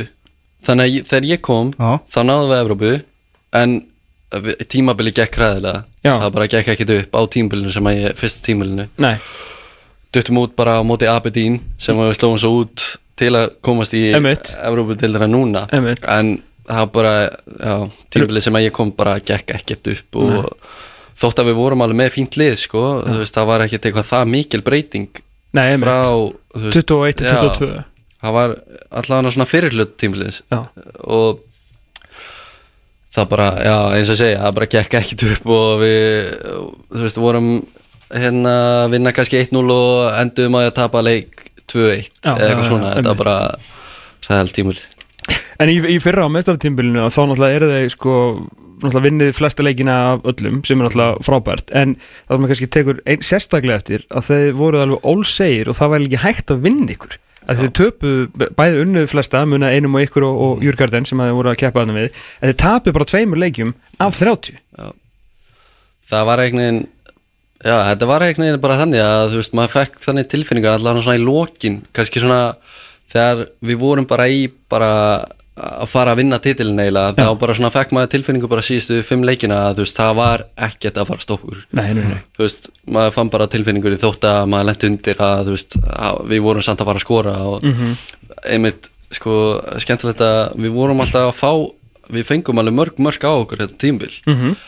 Allan svona með að við topp hérna liðin, sko Ég meina En 12 við mörgum vorum fleiri bara- heldur en Djurgardin sem er í öðru sendi sko Já, en við vorum bara að skora miklu einmitt. liðin, sko. Þannig að við vorum að vinna leiki bara 4-2 eða 4-3 eða eitthvað svona dæmi. En já, þetta var bara geggjað sko. Og þið hafum það líka náð bara að halda standart á, á, á þessari leiti sem, að, sem er vel, ég meina oft er að liðið eru að skrifa svona söguna að auðvelt að detta niður í talningum, Já. náttúrulega mikið að Evropa æfintýri bæðið er náttúrulega að komast þá getur segiruð og halda því. Kannski verður bratt að reyna að taka titilum þessu, Sveitn og félagar eru Já. og Hákon er í, í frábæru stöðu en þú veist, 50 stig og, og Evrópa, þú veist það sem þið er að gera er þetta ekki bara meir en ásættanlegt? Jú, ég held það sko og sérstaklega þú veist, núna þegar þetta er svona á uppleið og það eru til dæmis mjög margir farnir eða, já, ég segi kannski svona þrýr alveg mjög góðir og líka leikmenn sem að fóru Bini Traoré sem að skoraði tólmörk í bara, þú veist 10-11 leikjum. Hann fór til Sheffield United og við mistum bara markaskoran okkar þar og svo fór Ibrahim Sadiq hæri kantarinn okkar sem var bara búa til eiginlega allt annað fram á því. Fyrir til að setja Alkmaar en það, það er einhvern veginn bara svona já, bara gott að, þú veist, að, svo komin alltaf nýja leikmenn inn sem að í staðin fyrir þá, sem að hafa haldið dampi og en það er náttúrulega að vísu stórt að missa þess að úr liðinu. Já.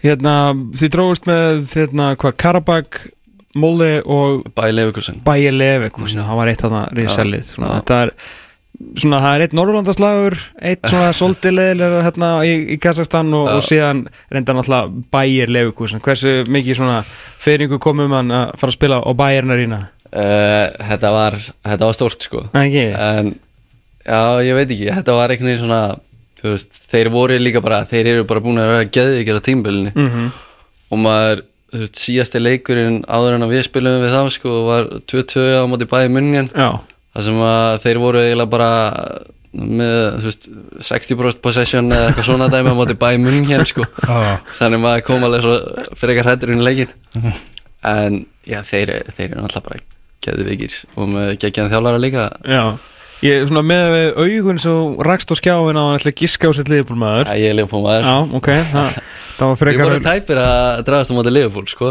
Já, reyndar.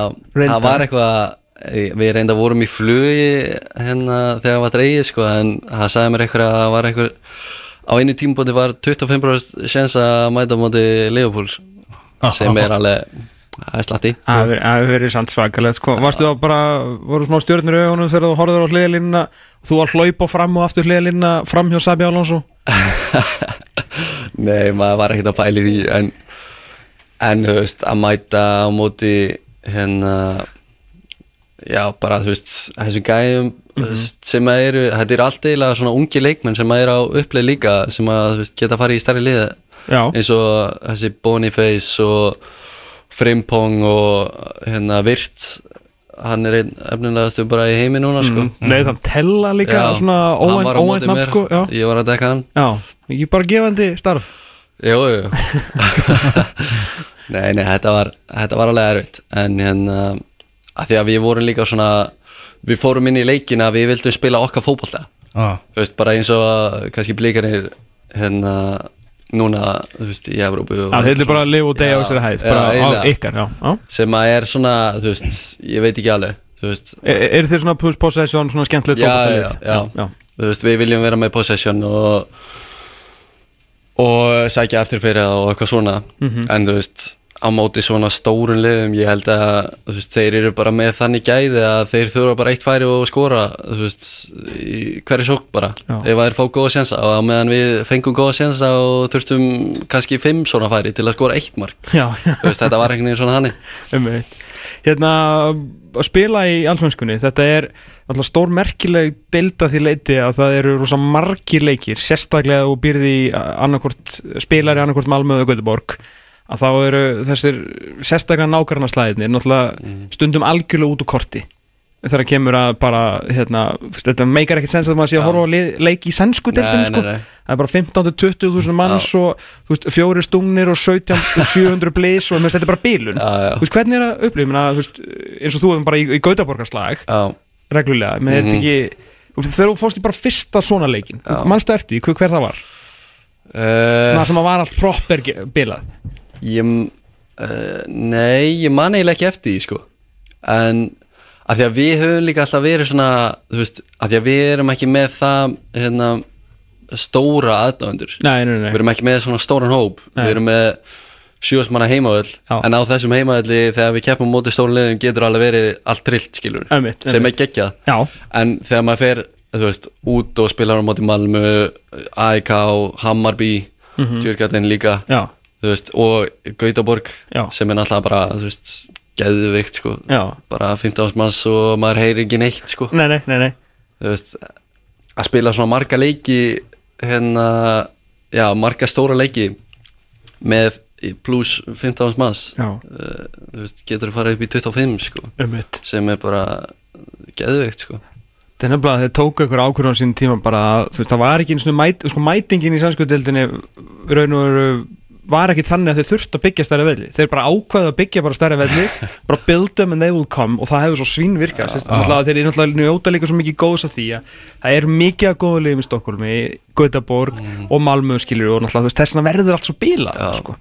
Þú veist, við bara, ég var að horfa á Malmö, eða hvað, þetta var AEK á móti Malmö, AEK á heimaðalli Já, og Malmö mætir náttúrulega með bara allt, eða hvað, hvað sem er geta mætt með, Já, já. það er bara geta mætt með 5 úrsmanns, það mæta 5 úrsmanns já, og þetta var bara, veist, leikurinn þurfti, það var bara flugveldar skilur Mhm. á vellinum og allir leikmenn bara inn í klefa bara á 60. mínútu og svo bara pása í 30 mínútur og bara allir að, út að hita aftur upp þetta var bara, bara eitthvað bull sko. Þetta er alveg stemning sko Ég, hérna, ég er að followa hérna, Discovery Plus á, á X-inu þar sem ég sé mikið hérna, umfjöllinu og hún verðist rosalega svona mikil og góð og ég skil ekki þú veist, tungumálin nema svona 17. hvert orð sko en, hérna, en það, það verður svona mikil umfjöllun. Þú mæta þarna með setti sérstaklega svona stóru leiki það er hérna, leikmaður dregin upp með Arþón Ingu hérna um daginn þegar hann var búin að vera að pakka öllu saman hérna og svona. Uh, þannig að þú ertu komið það inn í tungumáli ertu farin að vita þú veist, hvað er að segja og þú veist, hvernig er umfyllun er, er svona pælingi mín, þú veist, er þetta, þetta grót hart? Er þetta þú veist. Þú veist, ég er farin að skilja mjög mikið Já. og ég skil svona flest allt. Ok, uh, þú veist, þetta er alveg þetta getur verið mjög hart. Já. þú veist, ég hef alveg hort bara sjálfur að leiki og sem að það er svona stúkan þannig séð nema já. bara á vellinum. Emitt og það er alveg gæjar hann að ég veit ekki alveg nöfnin að þeim. Hann var þétti með skeggið, verðist Já, það svona já. gæði sem á að segja mest. Já, hann, hann hefur skoðanir sko. Já, hann, ég bara, ég skil hann ekki en ég sé bara að hann er að hafa eitthvað skoðanir sem er að pyrra fólk sko. já, Er þetta ekki gaurinn sem að koma á EM Kvenna í viðtal við fótbolta.net fyrir Svíþjóð Ísland eða Já. eitthvað? og bara svona, já, heyrðu, þetta verður bara göngum fyrir garðunum fyrir Svíþjóð það verður svo miklu betra lið og það er allir alveg brjálaði sko. Ég veit ekki hvort að þetta var líka hérna, hérna maður sem að það var mjög mikil umfjöldin, umfjöldin eftir hérna Svíþjóð spilaði á móti, landsleika á móti ykkur liði og þá var sko rifurildi á, með hérna Janni Já, já, og hann fóru bara nakk rífast bara í beinni útisendingu. Já, jú, er þetta ekki hann? Ég, ég Hvað er veit hann ekki alveg en ég manna það ekki. Já gekk hann ekki út eða eitthvað, Janne eða? ég, hann var bara þú veist, þetta Já, var bara já, hann var svona eitthvað, ég nenni ekki, hann var búin að vera í smá stund en svo bara ég nenni ekki að taka þátt í þessar um Já, svona takk fyrir mig. Þú veist, þetta var bara svona eins og þú veist, eitthvað, þetta var leikmaður sem var búinn að gera vel og honum, hérna, ekki þjálfaranum heldur, hérna commentator Já. gæðin, sko, hann var bara þú veist, af hverju er þessi ekki að spila þú veist, inn, af hverju er hann ekki inn á Mm. Og þetta var bara svona umræða og þeir fóru bara nakri í oss bara í beinni bara út af þessu sko. Við sáum náttúrulega á EM þarna, þegar Ísland fór þangað þá kom einn bara sænskur sem er búin að vera á bakinu bara á Las Lagerbakk bara í mörg ár. Robert Laul Robert Laul, hann var bara sendur í beysið hjá Íslandi og fylgdi íslenska liðinu sko.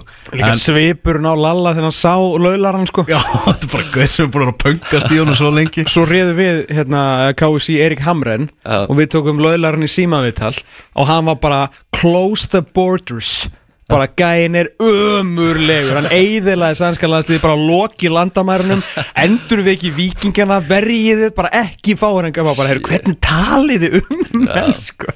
Alveg bilaður sko. En já, til að svara spurningu þá hef ég alveg hérna, hort á þetta og þú veist, það er verið að taka dæmi frá leiknum Þetta virkar mjög pró, sko. Já, já, þetta er það Já. og þú veist, það eru bara tekin dæmi í hálfleik eða eftir leik sem að það er bara, þú veist, hvað er þess að gera Mhm. þú veist, af hverju er hérna, til dæmis verið að tala um AIK af því að AIK er bara rísa stórt lið, þeir Mhm. eru ekki að vera annað á botninum, sko og það var, það var eitthvað mark sem að einhver hérna varðamaður var ekki að fylgja á eftir var ekki að hlaupa eftir honum og það var bara tekið sko öll sóknin var tekin bara upp á vídeo og það er bara þú veist ringur um þennan gæða bara hvað er hann að gera þú veist af hverju er hann ekki komið bara niður í varnalínuna og þú veist það er alveg verið að hérna rauninu við menn annað sko Já.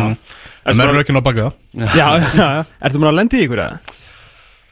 Ég held ekki Nei. En það var hann að Það var hann að vafa dæmi um, hérna þegar við vorum að spila mátti djörgatinn úti og ég fekk á mig dæmt víti Já. sem að var ekki, átti ekki að vera víti það var dæmt hendi á mig Já. en ég fekk hann í hérna brjóskassan Þegar já, við, var þetta ekki fréttir nú hér á landum? Já. Þetta var bara algjör Ég stefna held að En þú veist þegar maður sér þetta, það var ekki það var hérna þú veist, af því að þeir myndavælinn var einhvern veginn fyrir bakvimi og ég var með hendina úti Já, þú veist, á hérna bara ekki já, upp við líkamann eiginlega Mhm.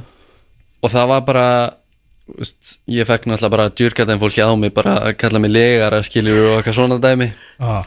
en það sá einhvern veginn engin að þetta væri ekki að hendi að því að þetta var að spila svo hratt sko. Og svo hérna var einhvern veginn bara sjónarhóðni hann að þú veist brjóskasinn eða hérna var farið sko þú veist, já í lí, sjónalínuna og þess vegna sást ekki eitthvað að boltin voru ekki í hendina á mér eða eitthvað svona dæmi, Já, það var bara eitthvað bull sko Þetta tókst loksins hjá mér, hann heitir Alexander Axen Já. og er fyrir um þjálfari Gæs og Öribró Ah. en er svona þeirra svona kjaftaskur Já. en greinlega með, samt, eh, með þjálfara svona bakvið Erum talað um þjálfara, þú ert með hérna, eitt svona heldri mann Já. að þjálfaði, Per Mattias Högmó uh, hvernig, hvernig gæði þetta? Ljúfur Já. Hann er bara Hann er svona, þú veist, þeir eru tveir saman sem að vinna þetta mjög vel Þú veist, hann er bara svona kannski svona sálfræðingurinn á bakvið þetta Hann vil hafa allt bara tipptopp og allir í standi skilur Ok, Og svo er aðstofþráðurinn, hann er svona meira inn á vellinum að sjá um drillur Hérna, bara, já Bara svona eiginlega allt á vellinum og svo kemur hann svona inn í þetta og er eitthvað, þú veist, kemur með eitthvað punkta. Ok, Högmó En þeir- meiri bara manager svona. Já, eiginlega, Já. þú veist, hann er bara svona vill hafa alla bara, þú veist, feeling good, sko. Sem að virkar hérna mjög vel, sko Þeir- Fótboltinn þá meira frá aðstofþjálfarnum eða þannig Já, svona þannig, sko Já. þú veist, þeir eru, þeir hafa unnið saman mjög lengi, þeir hefur voru í norska landslinu saman og Ok. held í djurgatinn saman mm.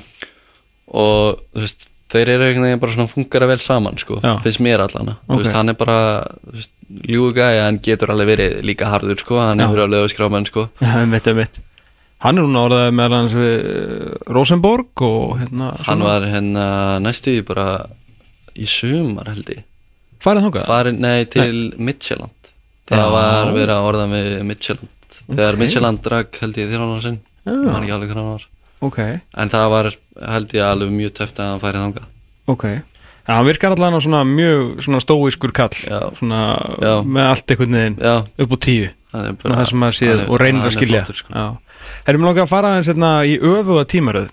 Uh, svo þetta aðeins tilbaka af því að Mm. þú varst náttúrulega ert úr viðfrægum 0-1 árgangi Já. með uppáhaldsleikmannum okkar Jóhann 0-1 með svolsögðu Jú, í núli Jóhann 0-1 hérna, þú ferða á sínum tíma er náttúrulega ertu náttúrulega algjörð hérna, vondikindurna í fjölni. Síðan þegar þú kemur til Vals, að ég man að við tölum um þetta á sín tíma, okkur fannst þetta á þeim út af val ekkert af þér, Já. skrýtnin félagskipti í ljósið þess að val var efnilegasti leikmann Vals og hverju ári var alltaf besti leikmann í öðru flokk þegar það spilaði enginn undir 30 ára með aðleginu uh, og þú náttúrulega ferði líka þar og ert að spila bara mest með öðru flokki en það var líka náttúrulega eitthvað út af meðslum Já, ég var semast, uh, ég mætti hvað, bara, það voru tvei leiki búin að tímbilinu, ég mætti held ég bara í byrjun apríl. Já, og ég var hérna já, ég mætti ekki alveg meittur, þú veist, ég var ég æfiði fyrstu vikuna og svo einhvern veginn bara þessa viku þá var ég að bara að finna til bara, þú veist, þetta var eiginlega þannig að ég bara gati ekki meir eftir þessa einu viku sem að ég var búin í æfingum.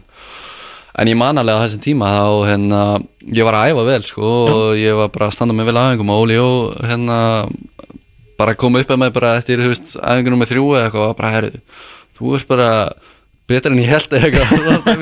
Ok. Og ég var bara ok, bara held áfram og eitthvað og svo bara, þú veist, gæti ég ekki meir. Þannig að ég var alveg frá í bara allt tímabilið. Já, og svo var ég mættur aftur á völlin í ágúst og þurfti þá bara að koma mér í stand veist, og ég var bara að spila með öðrum flokk og veist, ég var bara að spila fremstur á miðju sko. Þetta er 19 eða ekki? Jú, 2019 Já, 19, já, já. og já, ég var bara að spila veist, með öðrum flokk og veist, sem var allir lægi veist, ég egnaði sko að vinna þar og og bara kom mér í stand sko Mhm. en þú veist, þetta tímbilið bara fór í vaskin þannig séð, ég var bara meittur í fjóra mánuði og tímabilið hér í fimm mánuðir sko Mhm. eh, á þe þeim tíma Einmitt. og en svo bara, þú veist, ég held ég áfram og næst tímbil, það var bara hérna, draumur í dós. Algjörlega, það var algjörlega stórkostlegur 20 tímbilið þanglega hérna, það var slögt á, á því. En, en svona var aldrei pælingum að hérna, bara call it quits bara svona þetta gekk ekki og bara aftur heim í hlýjan fjölinsfjáminn eða eitthvað annar lið Nei, alls ekki sko. Trúður líka að þú myndir fá séns eða þú væri heitlega Já, mér fannst ég bara eða, veist, að því að mér fannst ég vera að standa með vel á aðengum og, og ég ekkert neginn svona veist, það var svolítið skellur annað þegar að því að ég, mér fannst ég vera búin að standa með vel hann á undirbúinstímulinu og svo kemur hérna Magnús hérna, Egilsson? í vinstra bakurinn Já, og það var svona, veist, á smá högg að því að, þú veist, maður vissi svona, þú veist, ef að þjálfarinn tekur hann frá liði sem að hann var búin að vera að þjálfa áður Mhm. það var bara svona, ok, þú veist, hann er að fara að byrja, ah, já og séð. þú veist, Og- já og já, þú veist, svo náttúrulega byrjaði hann hann að fyrstu tvo leikina meittist eitthvað aðeins og ég kem hann inn á móti HK held ég spila bara mjög vel mm. í þriðja leika eitthvað á tímbilinu og svo er hann mættur aftur tilbaka og fyrir strax aftur í byrjunni þótt að ég hafi átt bara mjög góðan leik sko. Mm og þá var ég bara svona bara, þú veist, er þetta grínast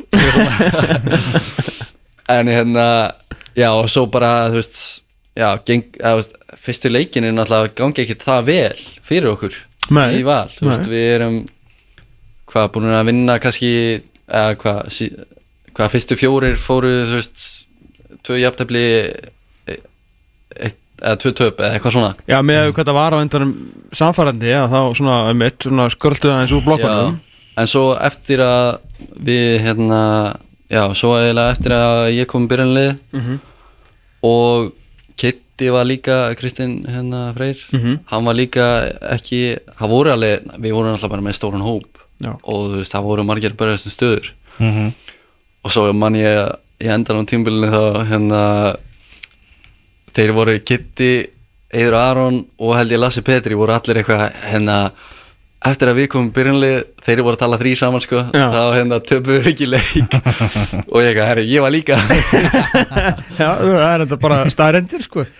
Þannig að þetta- já, þetta bara gekk ógislega vel. Og þú náttúrulega spilar, þú veist, vinstra megin þarna og þú náttúrulega færð það uh, erfiða hlutskipti að leysa af bara mm -hmm. topp þrýr vinstri bakur, ef ekki topp einn vinstri bakur í, í sögu efstu deildar á Íslandi, Já, Þóla Eiríksson. já. gerir það náttúrulega frábælega á, á hérna öfuru löffinni og ferðu út sem, þú veist, ertu öfugur vinstri bakur, þetta er hljómar hræðilega. Já, öfug fættur uh, vinstri bakur í dag? nei, ég, ég skil spurninga en hérna, ég fer út sem hæri bakurur Ok, ég átti að, þú veist, bara fara út sem hæri bakurur, ég hef búin að tala við hérna spórstæðarektorinn og, og þeir bara, þú veist, já, við viljum bara negla í hæri bakurinn. Mhm. og en svo, þú veist, gerist það að ég man ekki alveg svona í byrjun tímils á undirbúkstímilinu þegar ég mættir út Mhm. þá eru bara laus staða eða þannig meistarmæn Mhm. og það er einhvern veginn ekkert að gerast og, og þeir setja með meistarmæn Fórstu til högmann bara, herru, ég er hérna með spólu fyrir þig. Þetta er 2020 tímbili hérna úr bestu, úr Pepsi-vakstildinni Tekka það svo sem kannli Nei, ok, hann var samt ekki mættir það það var Nú var ekki mættur, já, já.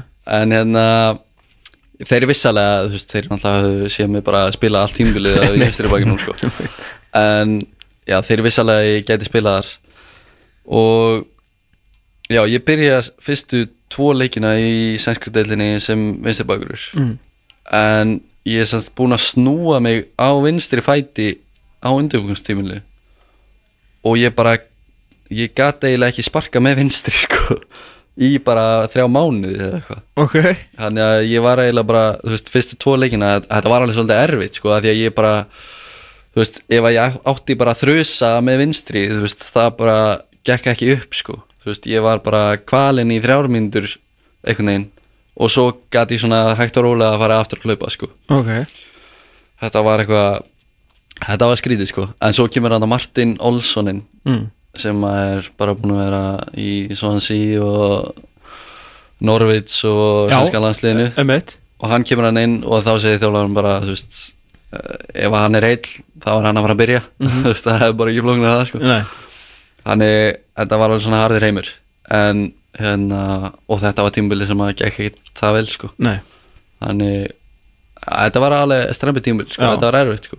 En síðan, eins og þið val, þú Já, kemur inn nákvæmlega Nei, Ég meina þú veist, þetta er Nákvæmlega. bara staðrindir Ég meina við getum, við getum hort fram hjá staðrindir þetta, þetta er bara þannig sko. Gengur betur með þig, það er bara þannig Þetta er bara þetta er þannig búið að gerast núna tvisar að ég kem inn Já, gengur ekki það vel Mm. á fyrsta árinu og svo vinnum við titilinn annað árið þannig að Já, þetta er svona þetta er búið að vera Það eru góða fréttir fyrir næsta lið. vinnuveitnudaginn uh, sem að verður hver Nei, þú, eða, það er svo sem ekki löningamál þú ert eitthvað að skoða og það er eitthvað áhuga já, auðvitað, auðvitað. Hérna, það er náttúrulega bara þú veist, ef manni gengur vel og það er bara rósa að sé verið að hérna, liða, liða að skoða mann og hafa áhuga. En þú veist, ég er ekki búin að frétta neitt eða, þú veist, ég veit ekki neitt. Uh, núna er ég eiginlega bara svona að, já, bara einbetta mér að því að komast aftur hérna, ég fyrir aftur út á mánudaginn. Mhm. Hvernig er þetta samningur þinn? Já, næsta tímbil eftir. Ok, ok. Þannig á allt tímbil Já, allt tímabil næsta. um, Er þetta að reyna að koma þér eitthvað annað, þú veist, veit liðið af því þannig skilur, uh, Uh, uh, skilningur að þú veist að þitt fólk er að sko- skoða? Þú veist, já, já. Þeir vita alveg að, þú veist uh, Mér langar að komast hærra. Já, já. Og það er ekkit, já, launingum mála Þetta vil ég fara á hærra level og ef þeir vilja eitthvað sænska krónur þá er núna tíminn Já, Já. en hérna En já, ég, þú veist Já, þetta er veginn bara Þú ert róluður Já, ég er ólegur sko Já. Þú veist, bara reyna að koma tilbaka allan að sem fyrst og reyna hérna vinna bæir á heimaðalli Já, Já. reyna að sína með aðeins hérna í síðust tveim leikjunum sko. Sænski fjölmjöla voru að tala um félug frá Belgíu, Hollandi, Ítalíu, Þískalandi, Austuríki, Tjekklandi og Sviss var að, Jæja. var að fylgjast með þér. Hva, Hvað eru mörg lönd eftir í Evrópu? ég, Þetta var nákvæmlega, ég lasi það rétt sko. Þetta ég byrjuði að nefna jæja. sko. Já, bara, já, ok Það bara fór á heimasíðunni hjá saminuðu þjóðunum og byrjuðu svo bara efistöðum bara Belgia Hvað eru best að búa? Já ok, þannig að nummer 1 og 3 það er núna bara koma þér aftur á lappir ná allavega einum tveimur Evropuleikjum Ég er að vonast eftir því. Og svo bara jólafrí og, og sjá hvað gerist Já. í janúar. Já, þú veist en, Já, Já. eiginlega bara þannig sko. Það er nákvæmlega það. Átta landsleikir sem voru komið með. Já, og þú ætlar að bæta við það? Já, er ekki svolítið mikið þannig bara janáglögin Þannig að á móti Uganda og svona einhverja angleikir En Já, hérna svona. En áttu landsleikir, en áttu já, landsleikir. Já, nákvæmlega. Það eru átta En, fleiri ég og elvari Nei, það er náttúrulega bara. Samtals Það er náttúrulega bara alltaf heiður að hérna, vera valinn. Og já, eiginlega bara ekkert stærra. Eða þú veist, þetta er bara draumur allar leikmanna sem að hérna eru í atvinnumennskunni eða ekki? Og eru, þú veist, hér á Íslandi að vera valdnir, sko. Mm. og það er, þú veist, bakvarastöðuna búin að vera brasa að finna eitthvað og þú getur spilað báðum með einn þannig að þú veist, þú Já, væntalega þú veist, langar að festa þarna sæti algjörlega, algjörlega. Varst nú aðeins að bara spila í hérna í þú komið náttúrulega þrjá í þessar undakefni Já, að hérna, þannig að svona, mhm. þetta er, það er svona myndasamt aðeins meiri sangkefni Já, já, já, auðvitað Anna Ljósæru mættur hann til að tröfla þig vinstri bakvörunum og svo býðu gummi tóta alltaf á og svona, það eru margir um hittuna Já, klálega En, þú veist, já, eins og þið segir, sko, það, veist, það er bara mark við að festa sig í sessi og og mér finnst ég að hafa spilað alveg, alveg hérna fína leiki, sko. Náttúrulega þetta á móti Luxemburg úti var, þú veist, bara ekki nógu gott, sko. Nei, en hérna fyrir það að, þetta var náttúrulega bara fyrsti alvöru leikunum minn var að móti Slovaki Já. það er bara, einmitt. Annars hefði þetta verið Baltic Cup og, og hérna. Já, og við náttu leikir sko. Nákvæmlega. En sko því nú, eftir, þú byrjar að spila svona, þannig eftir þessi tekið 2020 og ert frábær og vinnur tillin og hérna síðan ferðu út og menna, þú veist, þú kannt ekki sænsku að veit ekki hvað var að segja við á fyrir tímilinu hekkan og svo vinnur tillin já, og svo ertu áfram góður, skilur nú þú kannt sænsku og þau komast í Europakefni já. Þannig að þú hefur aldrei upplifað eitthvað svona neikvæða umfjöllun fyrir akkurat núna að komast í landsliðið. Eins og sérstaklega eftir hennar Luxemburg-leik ég meina þú er vantilega aldrei verið hluti af fótboltaliði sem þú skilur allan á tungumáli sem er fengið þar eins umfjöllun. Nei, hvernig var þetta? þú veist, hérna ég, eða sko náttúrulega maður hefur alveg upplifað erfiða tíma skilur Já, persónulega, en svona kannski ekkit endilega að vera að að hjarkast. beina að mér þá? Nei, bara á liðinu sem þú ert endilega í sko um, Men það var Nei. alltaf vittlust eftir Luxemburg já, já, já. Um, þú veist ég veit ekki, maður er einhvern veginn ekkert þú veist, jú, jú, ég kíkja alveg á fréttinar og ég er alveg að skróla niður lumuna sko, og sé bara, þú veist hörmungar eitthvað í Luxemburg eitthvað svona dæmi. Stríðisfyrirsagnir Já, en þú veist það er ekki hægt að vera eitthvað að pæla í þessu skilur, þú veist. Ef að þetta festist inn í haustum að það eru tveir leikir í næsta leik, skilur þú veist, þá eru við bara að fara niður á við, sko Einmitt, en hérna, þú veist já, ég reyni ekkert eitthvað að pæla í þessu, sko, Nei. þú veist jú, ég lesi þetta alveg en kannski eftir svona ef að ég persónulega spila lélega eða finnst mér ég á að spila ekki vel Mhm. þá er ég ekkert eitthvað mikið að tjekka á hérna á fjölmjölum sko Nei, Svo er svo skemmtilegt við fótboltan að það kemur slaguleikur og svo kemur bara góður þá er allt fyrirgefið og allt grafið og Já, glemt já, já. Sko.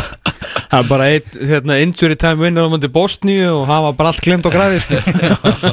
en þetta er búið að vera svolítið upp og niður þú veist núna, þetta er einhvern veginn hann að þú veist hérna við vinnum uh, já við töpum fyrsta leiknum á móti Bosníu og það var allt bara umulett og svo vinnum við á móti Lichtenstein og þá er þú veist ok, þetta er hérna allt í lagi og svo hvað, næsti leikur á móti Slovakíu spilum vel í 45 mínútur fáum geðvik færi. Mm en töpum sæla leiknum, ok, þú veist, lél tapa.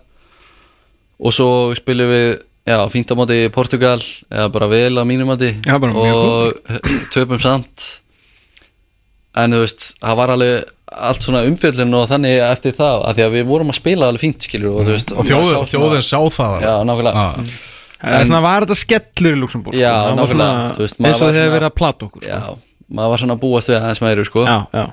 En já, þetta er ekki nefnir búin að vera svona upp og niður bara, þú veist, fjölumjölar að hraunum mann og svo átt að ég engun en hérna þú veist, núna er bara þú veist, er bara ekki markmið núna þú veist, svolítið bara festa sig á ein- einum stall bara, þú veist, solid leikir skilur og þú veist þurfum að fara að tengja saman segira núna.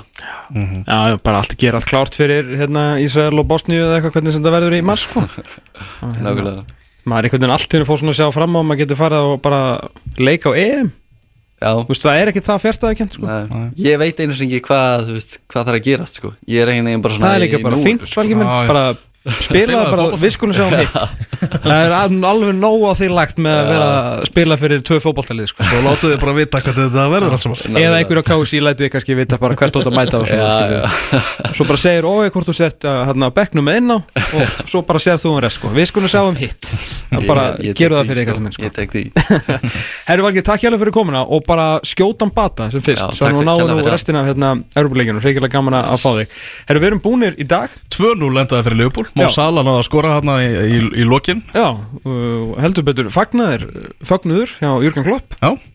það er ekstra skemmtilegt að vinna þessa fótballtaleik Já, ég, ég held það. Herru Manchester City Brighton er að fara að staða núna og einhverju fleiri leiki til. Chelsea, Arsenal í síðdeginu Sheffield United, uh, Manchester United með Elvar Geir í kvöld. Mhm. uh, á morgun ástum vilja West Ham. Íslenski boltin er búinn, það er ekkert að peppa þar.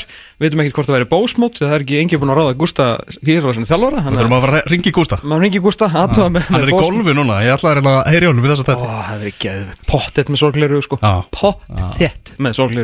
Erum við fengið Smára Gunnarsson, kynnti fyrir okkur heimaleikin endaði skellið okkur í, í bíó. Valgeir Lundal eh, var með okkur hérna setni klukkutíman og svo heyrðum við líki Andor Rúnari Bjarnasinni sem er komin heim. Fórum með frétti vikunar, ég veit ekki hvað og hvað meira eftir 6 og 22 tíma þanga til, verðið sæl